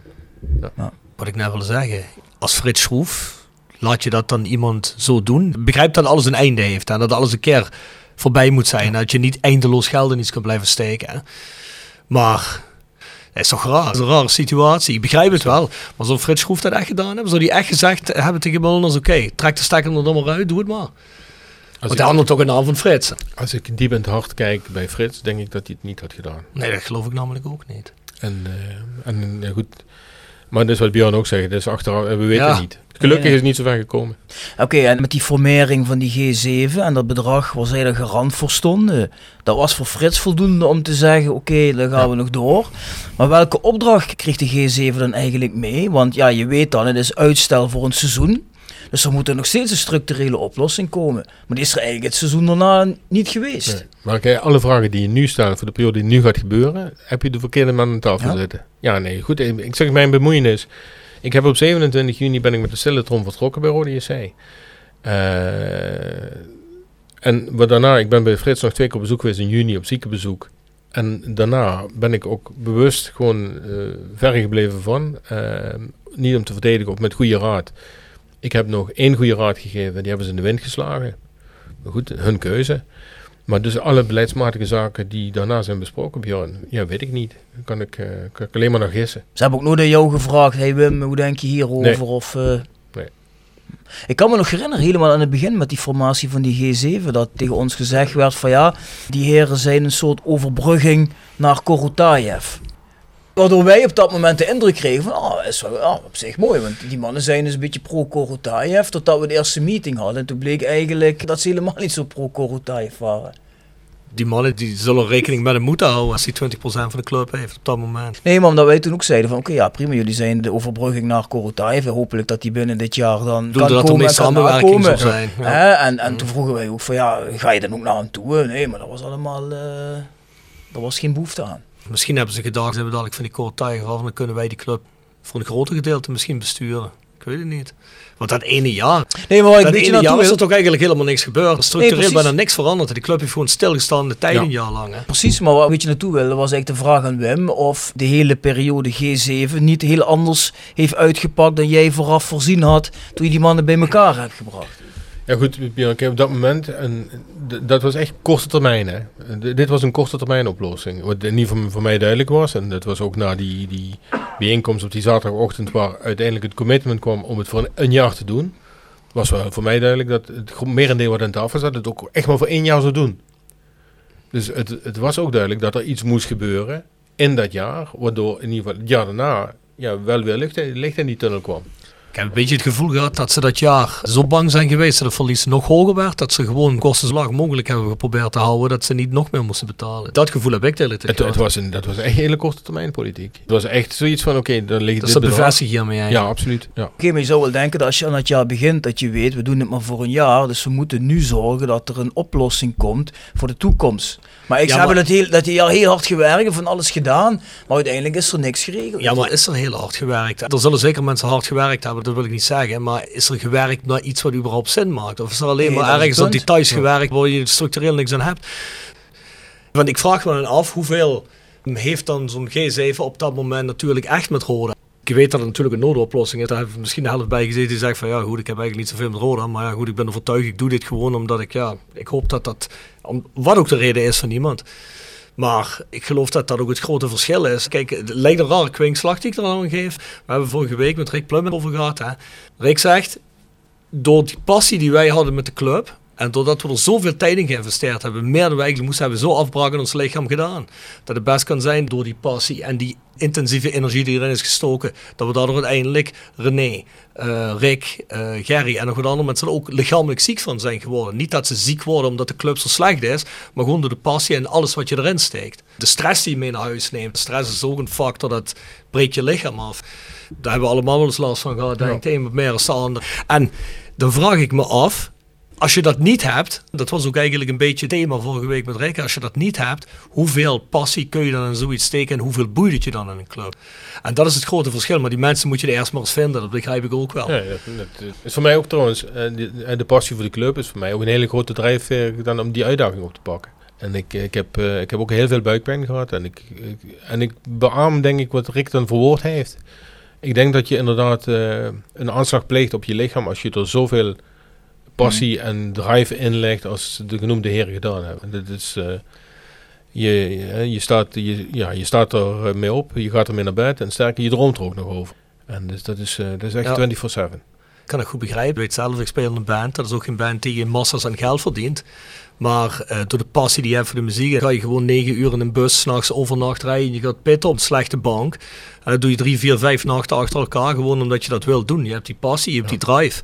En als je dat dan vertaalt nou naar zoiets, ik kan me best voorstellen wat dat allemaal met zich meebrengt. Dat dat uh, roofbouw is. En, en, ook zeker emotioneel en mentaal en niet eens lichamelijk. En, en dan vraag ik me dus af, sorry Wim, maar dan vraag ik me dus af, als je dus mensen op een gegeven moment samenbrengt, wat je natuurlijk moet doen, want je kunt niet anders, het water staat je aan de lippen.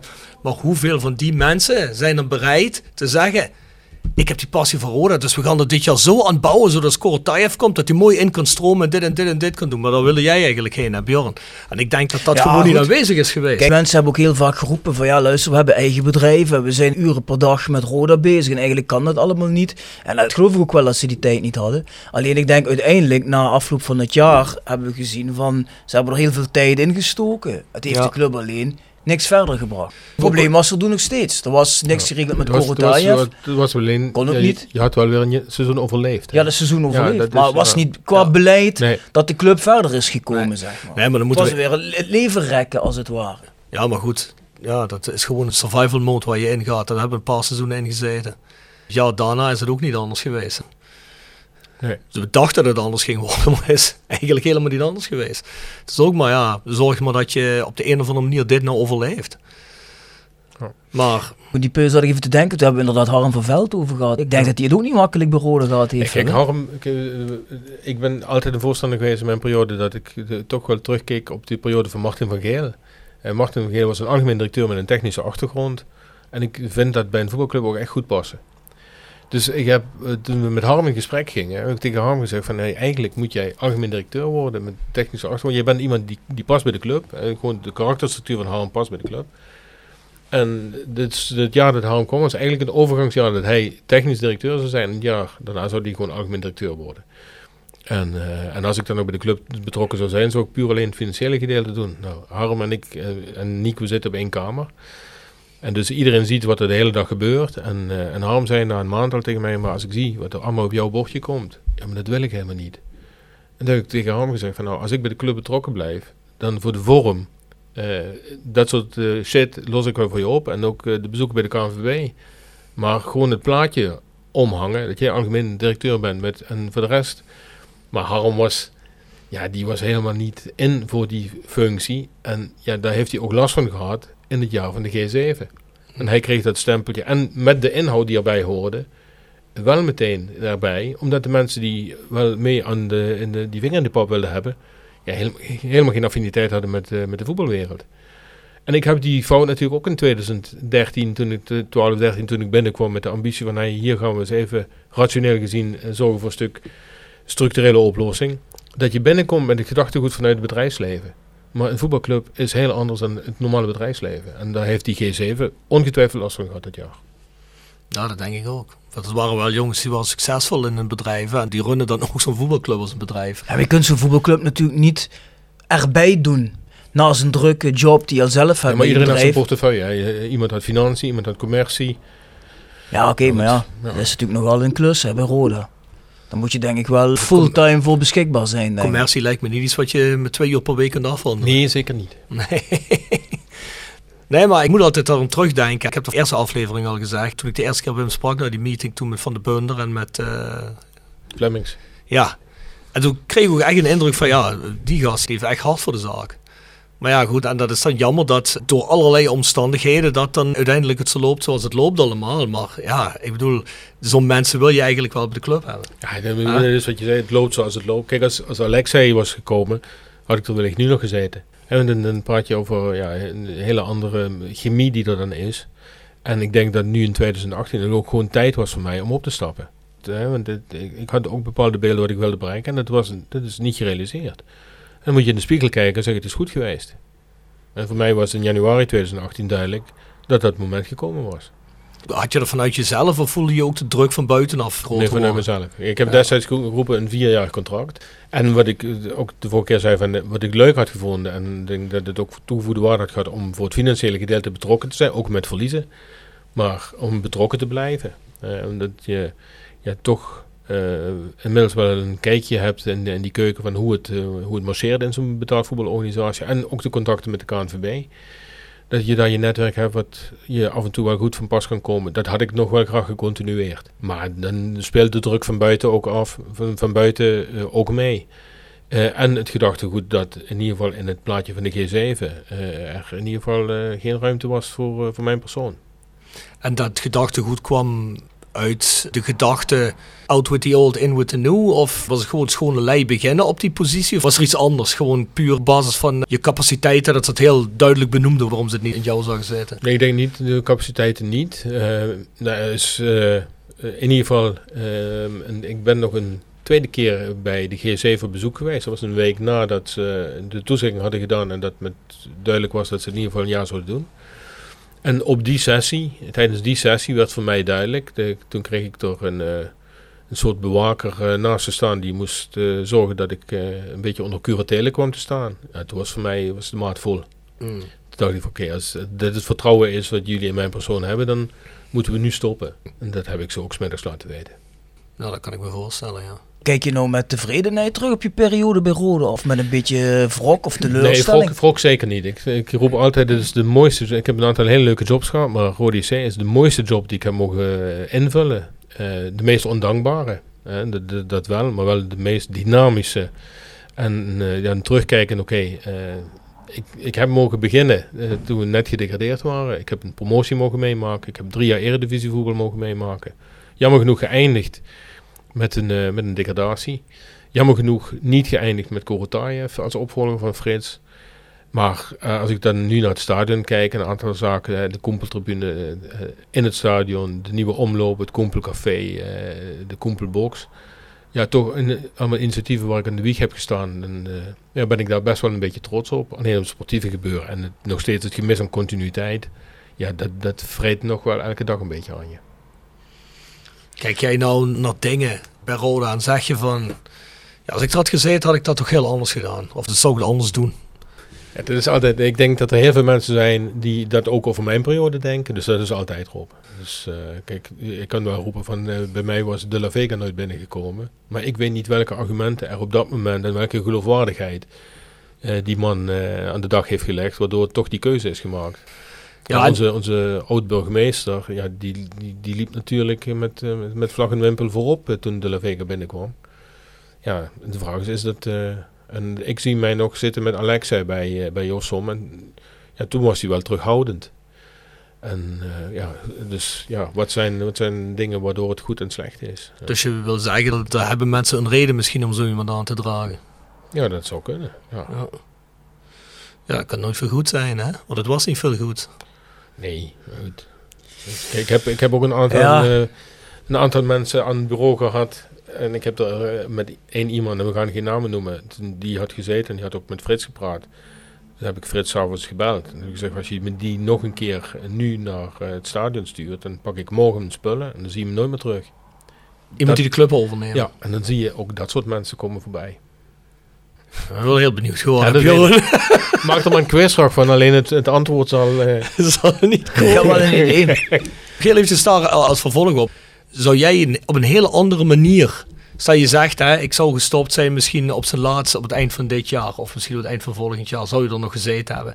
Zou jij nou prettig gevonden hebben, nou in een veel rustiger vaarwater bij die club te hebben gezeten nou? Waar het Ja. financieel tenminste rustig is. absoluut. Maar ik kan me voorstellen dat je nou denkt van, godverdomme.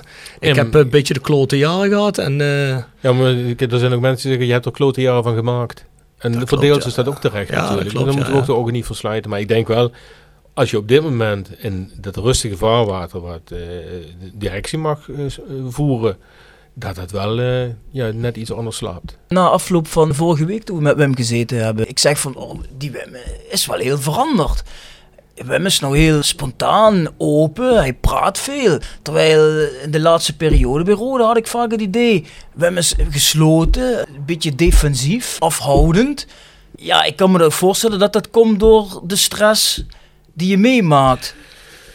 dat je toch een beetje leidt van hoe het gaat onder zo'n club. Zeker als je hart voor die club hebt. Of, of zie ik dat verkeerd? Nou, dat, eh, nee, dat speelt zeker een rol. En eh, kijk, mijn moeilijkste periode is geweest toen ik het, eh, het, het, platform moest overtuigen dat na de degradatie ja, ik misschien toch wel niet verkeerd was om die functie te bekleden. Ik heb er in die periode daarna ook best wel gekozen om uit de luwte te blijven. Toen heb je me niet veel in de media gezien. Eh, ik ben ook niet de, de grote roerganger geweest eh, bij de promotie. Ik ben eigenlijk pas een beetje prominenter eh, in beeld gekomen en ook interessant voor de media toen Korotai verhaal ging spelen. Dus voor mij hoeft dat, dat publiekelijke niet zo en, en dat vele gepraat. Ik laat liever goede resultaten zien en ja, fungeer op die manier dan dat het met persoonsverheerlijking en groot tromgeroffel mijn persoon moet zijn. Helemaal niet. En achteraf natuurlijk, de laatste periode, toen, toen voor mij wel duidelijk was dat, dat ik in ieder geval niet degene zou zijn die nog langer bij de club zou blijven. Ja, dan, of je dan defensief bent, maar in ieder geval wel terughoudender. Omdat in ieder geval de zaken die uit mijn, komen, eh, uit mijn mond komen, ja, ja, niet iets voor de toekomst hoeven te zijn. Dus wel, ja goed, ik ben eh, nu een, eh, een, een stuk gelatener. En ik heb ook tegen jou gezegd van oké, ik wil, eh, ik, ik kom hier niet zitten om het te verdedigen, absoluut niet. Ik heb een hele leuke periode gehad heel veel anekdotes kunnen we niet vertellen. Hè, omdat we toch in ja, mensen willen beschadigen, maar ja, ook andere dingen niet.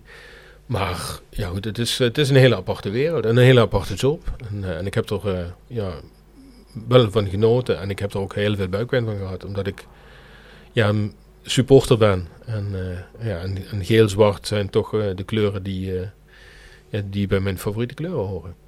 En dat blijft. Ja, dat hebben we allemaal wel natuurlijk. Ja, dat weet ik zeker. Wat ik net wilde zeggen Is het is... je, wel, eh, is het je wel ingevallen? Het is me wel ingevallen.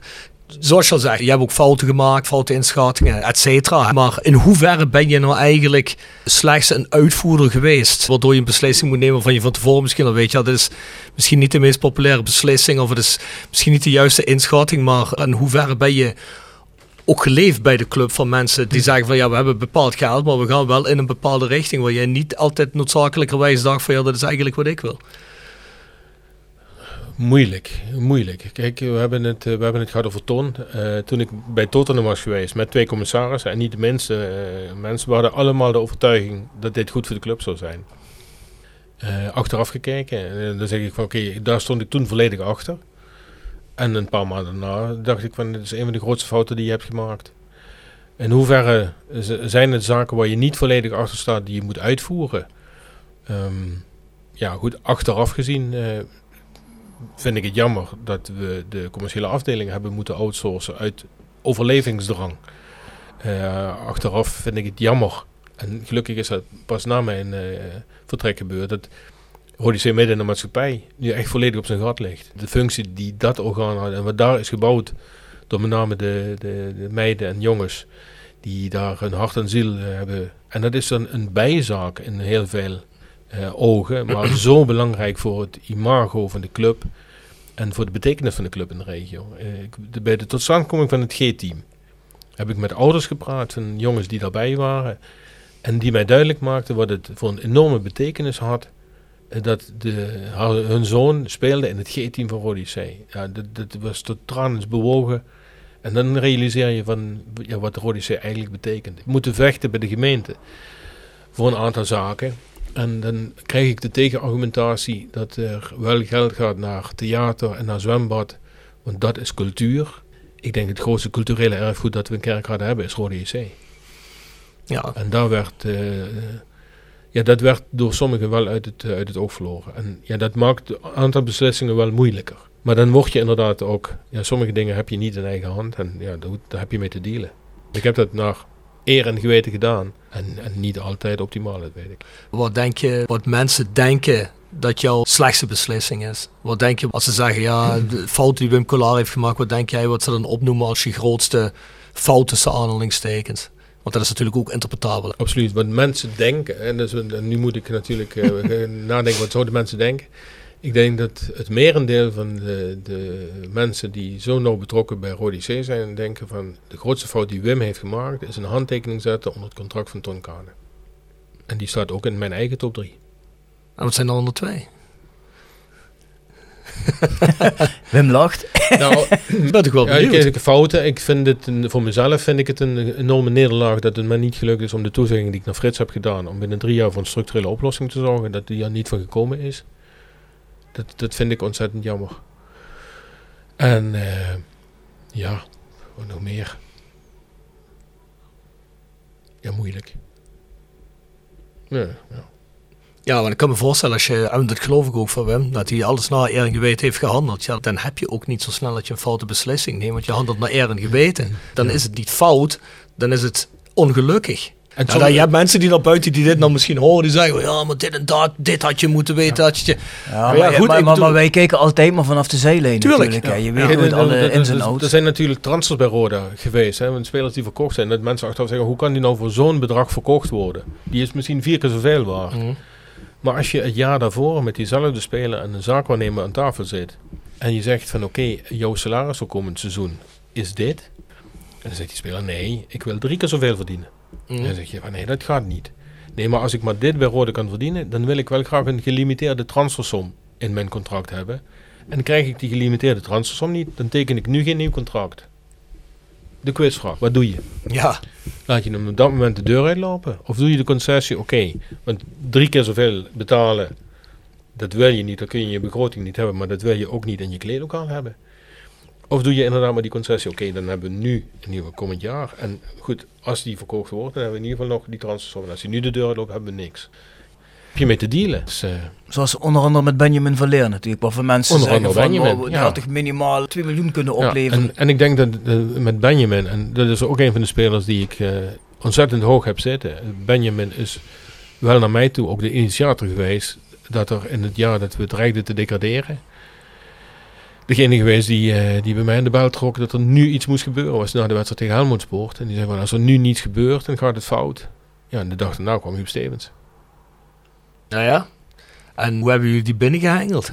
Ja, dat is ook een vraag. Dan maakten we hem zelf het eh, bruggetje. Ja, we Stiekem hebben- op papier gekeken. Ja, die daar- volgens mij had die, die avond eh, na... Wim zit te spieken, ja. Nee, ik zit niet te spreken. Die avond eh, van die wedstrijd tegen Helmondsport was er volgens mij bij Schalke een eh, bijeenkomst. En daar ging onder andere ook Ger Zender naartoe. Eh, en ik weet niet of Marco ook, eh, volgens mij zal Marco er ook ongetwijfeld zijn Ik denk het geweest. wel, ja. Maar ik heb Ger in ieder geval laten weten van, geef Huub maar een seintje dat we mogen contact met hem zoeken.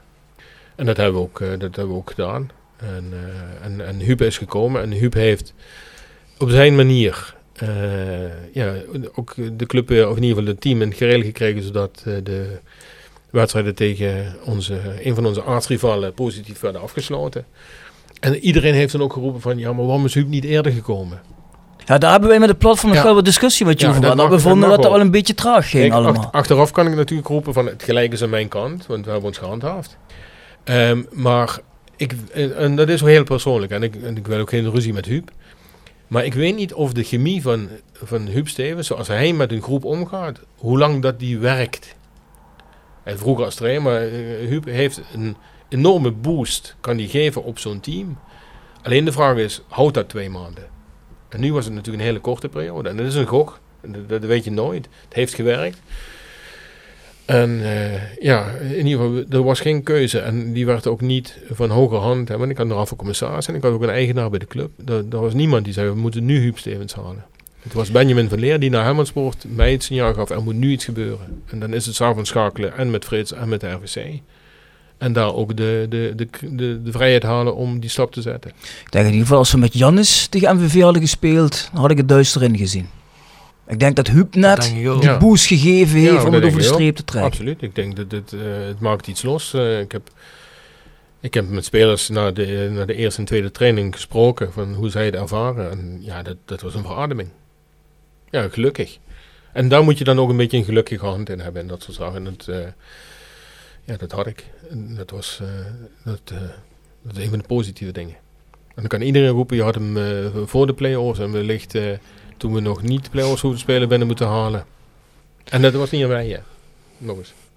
kan ook anders lopen. Dan haal je hem twee maanden voor de play-offs binnen. En dan eindig je net op een andere plek in de play-offs. Heb net een andere tegenstander. En dan valt de bal er aan de andere kant in. En dan ben je eruit. Had Ja. dat dan ook kunnen gebeuren? Weet je niet. Nee, dat is achteraf. hè. Nee, dat is zo. Maar ja, Kijk, ik heb ooit één keer een besluit genomen zonder raad van commissarissen en, eh, en Frits. Dat was Frits geen eigenaar, dat was de uitwedstrijd tegen NAC. Dat is ook het verhaal wat in de VI heeft gestaan. Met die bonus. Met die bonus. Ja. En dat van, ja, dat is nog... eh, ja, dat, dat, daar kan ik wel nog altijd van genieten. En ondanks omdat het veel geld is. Want ik, ik had wel de erkenning van... Een tweede jaar Jupiler League. Dat gaan wij niet redden. In ieder geval niet op een manier dat je daarna snel zou kunnen drukken. Een, een Jupiler League is... En daar ben ik ook nu zo bang voor. eh, dat, het, dat we te lang gaan bivakeren in, eh, in een divisie waar we niet thuis horen. Ja, dat is eigenlijk nu al te lang. En logisch, en als het niet gelukt was, was het niet gelukt. En, en als ik het niet had gedaan, was het misschien ook gelukt. Maar, ja, het is wel... Ja, maar het is gelukt. ja, Daar gaat het om. en dat was ook, eh, ja. Dat is wat Wim zegt, hè. elk jaar haken toch hoe- hoeveel gunfactor je misschien ook hebt als club en hoeveel fanmensen ook zijn op een gegeven moment gaat de sponsor afhaken. Kijk naar zo'n MVV, ook eigenlijk een traditieclub, hè. al is het je ergste vijand, maar die lui die staan weg te kwijnen ergens onderaan een competitie. het, kan toch, het kan toch niet zo zijn dat wat in de, in de, in de krant stond eh, een tijdje geleden, als we nu, dat door een, eh, door een fout dat je de NOW-regeling misloopt voor twee ton. Ja, dat kan ik me in een... Dat is vergeten, hè? Ja, dat was Vergeten aan dat te kan vragen. ik, de- de- met met alle respect. Dat vergeten ze bij Groene Sterren niet, als het zover zou zijn. Nee, maar dan weet je wel wat er al, met alle respect voor iedereen die er werkt, maar dan weet je wel wat voor mensen rondlopen daar. Hè. Dus, en je weet zelf, kwaliteit komt niet voor 10 cent. En dan wil ik niet zeggen, zo zitten voor topsalaris. Ik kan me voorstellen, als je bij zo'n BVO zit, ja, wat is dat? Wim, jij weet het beter als wij. Ik bedoel, Je hoeft geen bedragen te noemen, maar je zult geen vetpot verdienen. Hè. Nee. En dan MVV is volgens mij nog minder te maken. Ja, dus, absoluut. ja, Een stuk minder, ja. dus dan vind ik het niet gek dat er misschien eens mensen zitten die, niet topnotch Die de zijn. krant niet lezen en niet weten dat er een NOW-regeling is. Ja, misschien wie Dat weet. kan. Ja, en- Stel je voor, ik weet niet wie daar dan voor verantwoordelijk is in welke functie. Ja, als je de berichten leest over de AD van MVV, daar word je ook niet vrolijk van. Hè? Moet je maar eens, hoe heet die, van Zweden vragen. John van Zweden, die kan hem opknopen. Ja, John van Zweden is ook niet positief Rode, dus eh, daar heb ik niks mee op. Nee? Nee. Is hij niet op positieve voor Roda? Nee. Moet je maar eens je hele Twitter-feed op nalezen, Ja? Björn. Ja, Ja, ja. we worden een hele, een avond zoeken dan. Hebben we eigenlijk al het Sex Friedenboet met Wim gedaan, of niet? We hebben wel de vorige keer de muziekkeuze gedaan, Dat hebben toch? we ja, gedaan, Bob? Dylan, absoluut. Ja. Maar Seksje Frietenboet hebben we niet gedaan, nee, toch? niet Bob Dylan, Bob Marley. Of Bob Marley. Bob Marley met Three Hallo. Little Birds. Sorry. Ik wil net zeggen, hebben we nog eens misgelopen. nee, Bob Marley. Section Frietenboot. Gepresenteerd door Herberg de Bernardeshoeve. Weekendje weg in eigen streek? Boek een appartementje en ga heerlijk eten met fantastisch uitzicht in het prachtige Mingersborg bij Marco van Hoogdalem en zijn vrouw Danny. www.bernardeshoeve.nl En Stokgrondverzet uit Simpelveld. Voor al uw graafwerk, van klein tot groot. Onze gravels staan voor u klaar. Tevens worden we gesteund door Wiert's Personeelsdiensten. Ben je op zoek naar versterking van je personeel? Contacteer dan Wiert's Personeelsdiensten in het PLS en vraag naar Mark of Sean. www.wierts.com Dus dan zitten we bij Section Frietenboet. Ja, ja, ja. Zou Wim wel eens naar de Frietenboet gaan? Denk het toch wel. Zeker. Hij is wel afgevallen, Wim. Hij is Ja. sportief bezig. Daarom weet hij dat hij een keer extra kan gaan. Ja, ja. Ja, ja. Ja, ik kom ook. Nou, ja, absoluut. Waarom niet? Ja, zeg eens Wim, wat is je favoriete snack van de frituren? Komen de vorige keer hebben jullie muziek ook geraden. En nu, eh, wat is de favoriete snack? Ja, zal Ja, wel, zeker. zal wel frikandel speciaal zijn. Nee, fout. Oh, oh, de muziek hadden we geraden? Nee, hadden we niet geraden. Nee, Nee, jullie helemaal hadden, niet. eh, jullie hadden jawel de klassiek en bo ja. Ik dacht Bach of Beethoven. Oh ja, Oh, dat ja. Met een glas Ja. whisky, nee, grappen en. Klopt, klopt, klopt. Ja, dan geen frikandel kiezen. speciaal. Lumpiaatje. nou, ook niet, sorry, Sputnik. Sputnik. Ja. Dat is wel lekker. Sputnik. Lekker Sputnik. En eh, hoe vaak kom je bij de Frietenboet, Wim? Eh, ze kennen me daar niet bij naam. Dus ehm, Dat is er niet vaak genoeg. nee, dat, dat zal één keer in de drie weken. Chauffeur me daar eens. Ja. Ja, ik, kan geen reclame maken, want die sponsoren jullie niet. Dat is Nee, maar je kunt het wel noemen, dan moeten ze daarna gaan sponsoren. Ja, ja, nee. Dan lopen Ja, Björn en ik- wel vrij eh, binnen heb voor een paar eh, gratis friet. Nee, de, de oude Linde. Dat is, eh, ja, Zeg me niks. ja, in de Linde dan. Oké. Super heerlijke frieten. Goede bediening, super snel. Kijk Alleen nou. nu komen met wachten buiten. Gelukkig, eh, het regent nog niet, maar... Ja, dus binnen bestellen en buiten wachten. En je hebt van die momenten dat je niet moet zijn, want er zijn er 15 mensen die graag eh, iets te eten mee naar huis willen nemen. Dan kan het even duren. Hm. Ja. Oké. Hey Wim, we hebben ook nog een eh, tikje terug voor jou. Tikje terug. Gepresenteerd door Van Ooyen Glashandel. Sinds 1937 vervangen en repareren wij al uw glas met veel passie en toewijding. Met 24 uur service. www.vanooyen.com En Quick Consulting. Laat finance waarde toevoegen aan je organisatie. We komen graag met je in gesprek om aan de hand van concrete voorbeelden duidelijk te maken hoe we dit ook binnen jouw onderneming kunnen realiseren. Think win-win, think quick. www.quickconsulting.nl Tevens gesteund door Roda Arctic Front. Ja, je luistert de podcast en doen dan wel eens geloof ik. Die tikkie terug, dat is een vraag van een vorige gast aan een gast die nu bij ons zit. Mhm. En volgens mij heb je dat de vorige keer kort genoemd. Ik weet niet of het de podcast was of van tevoren. Maar je hebt vast wel, of hoop ik, de podcast gehoord met Peter Dassen. Onze burgemeester in Kerkrade. En die stelde een vraag voor jou. En de vraag is, wat heb jij geleerd van je periode bij Roda? Ja, ik had, eh, ik had eh, inderdaad eh, de vraag van Peter gehoord. En denk van, oké, moet ik me daarop gaan voorbereiden? Moet ik daar een uitgebreid, eh, moet ik dat, op papier zetten? Dat is voor mij redelijk makkelijk. Ik ben binnengekomen bij Rode C met een, eh, met een, met een benadering vanuit het bedrijfsleven. En gedacht van, oké, op een rationele manier proberen een stuk zekerheid voor de toekomst te bieden voor die club. En zeker ook in financieel opzicht. Toen ik een aantal weken binnen was, heb ik gewoon gemerkt en dat heb ik geleerd, dat het besturen van een voetbalorganisatie, dat is emotiemanagement.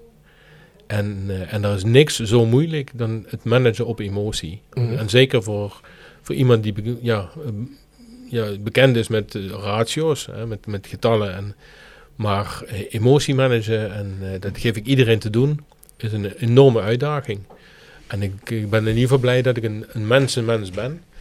Waardoor ik dat in ieder geval heb kunnen meenemen in die periode. En hoop toch nog een aantal goede herinneringen ook bij, bij oud-collega's te hebben achtergelaten. Maar ratio en emotie zijn twee aspecten die eh, bij een voetbalwereld heel anders liggen dan eh, in welke eh, bedrijfsmatige job dan ook. Je zegt mijn mooiste job is die vier jaar geweest als algemeen directeur. Het geeft mij een beetje zo'n gevoel van eh droefenis gaat te ver. Maar dat betekent dat je eigenlijk al het coolste wat je in je leven had kunnen doen beroepsmatig heb je al achter je. Ja, absoluut. Alles wat nu komt is in dat opzicht ja, niet, Ja, maar- niet dynamisch. Eh, Hij zit eh, vier maanden per jaar op de Malediven. nee, nee. Dat is ook niet erg. Ook deze jongen doet het met twee weken vakantie in de zomer. En als het even kan, nog een weekje wintersport. Dus uh, Björn, laat dat soort Dadelijk komen de geruchten nog dat Wim geld heeft meegenomen daarom. Ja, dit, eh, je, je geeft nu weer een voedingsbodem om iets Jegers, waar ik, wat ik nou net probeerde recht te zetten. Dan, moet, Deze- dan moet je hem straks wel inhuren om die smart eh, kla Ja, klachten. dat klopt.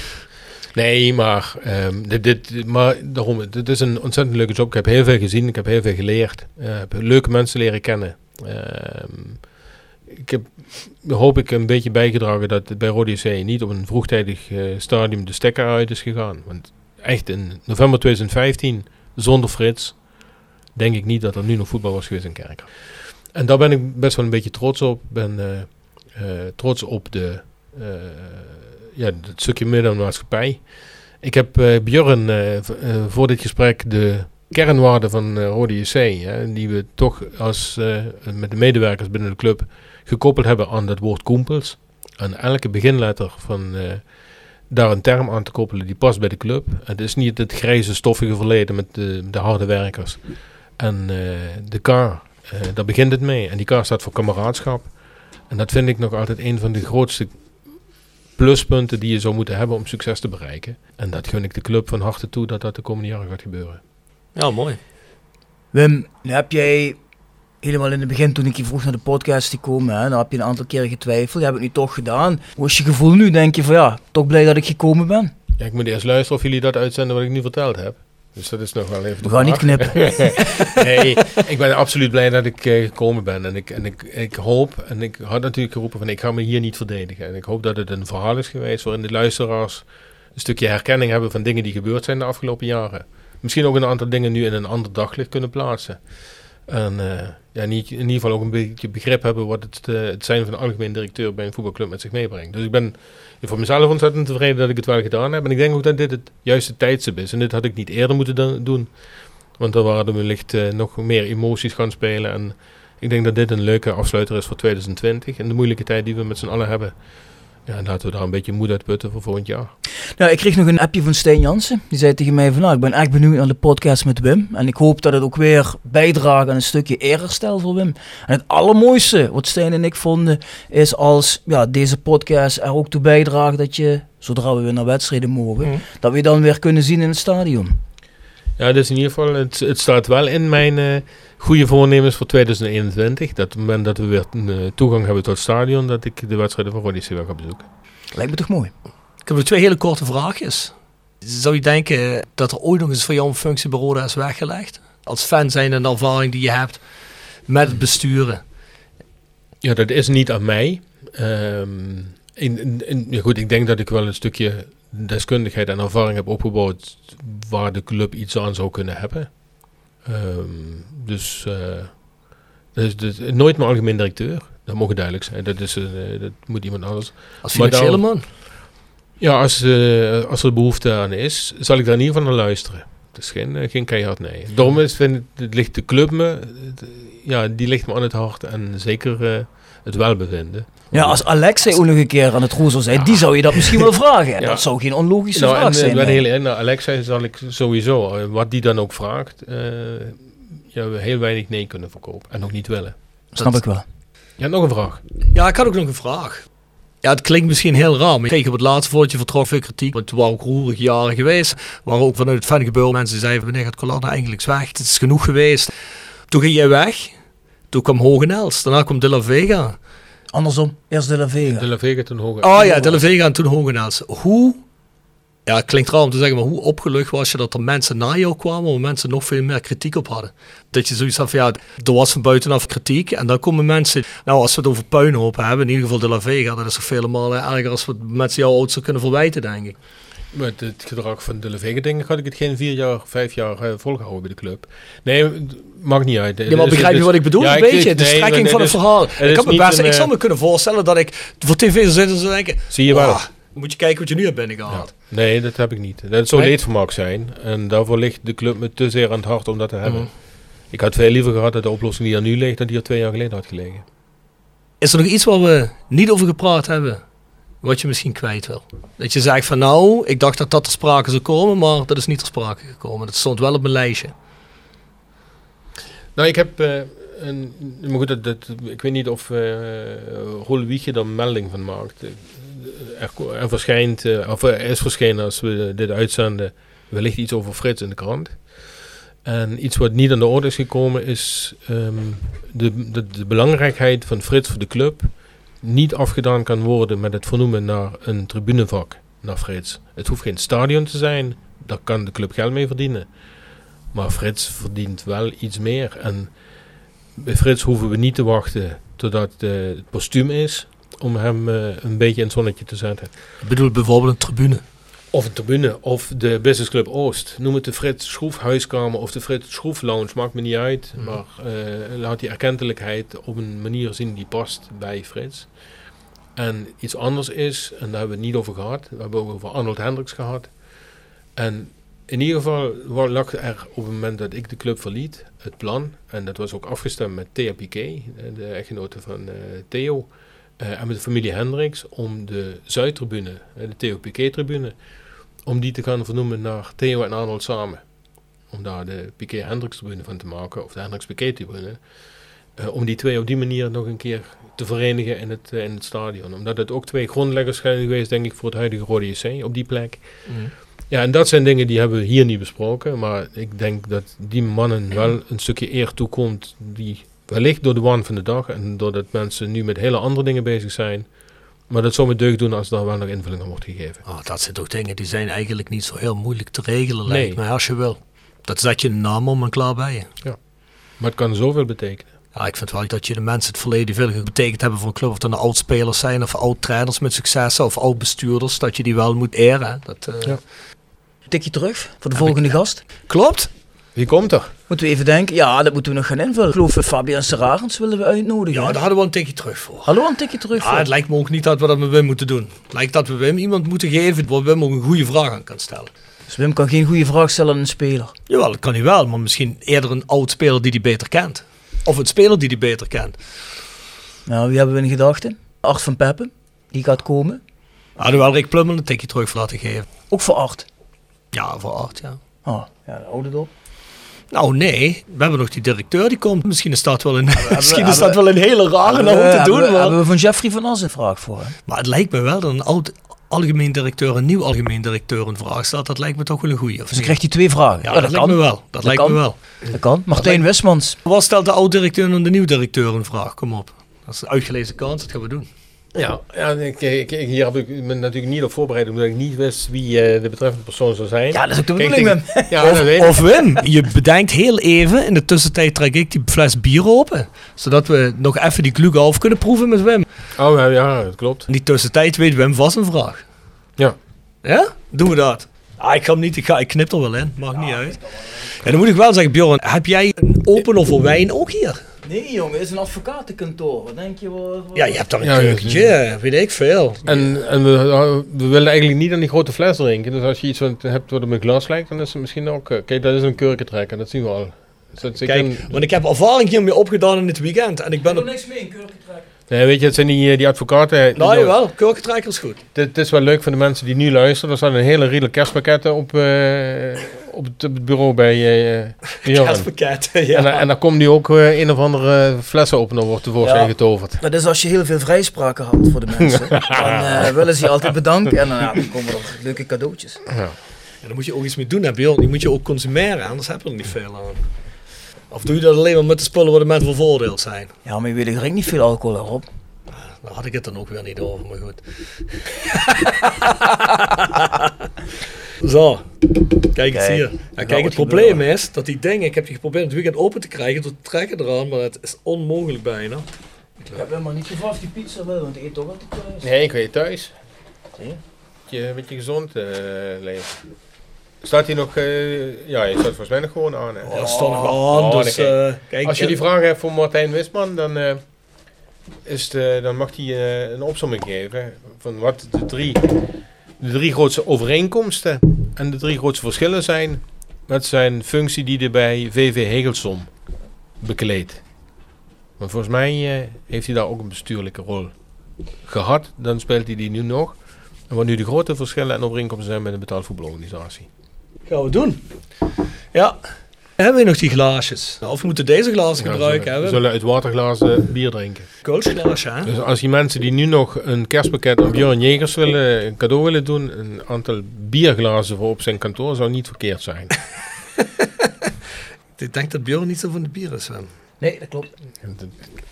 Ah, Eentje voor Wim. Ja, dat is jammer, Björn. Want ik denk, die Björn die maakt wel een uitzondering hè, voor zo'n Klughof. Heb je ook nooit bier gedronken, Björn? Weinig. Alleen sterker spul of Nou, Wim. gezondheid. Gezondheid. Op, eh, gezondheid. op een zo sp- spoedig mogelijke promotie. Ja, dat zeker.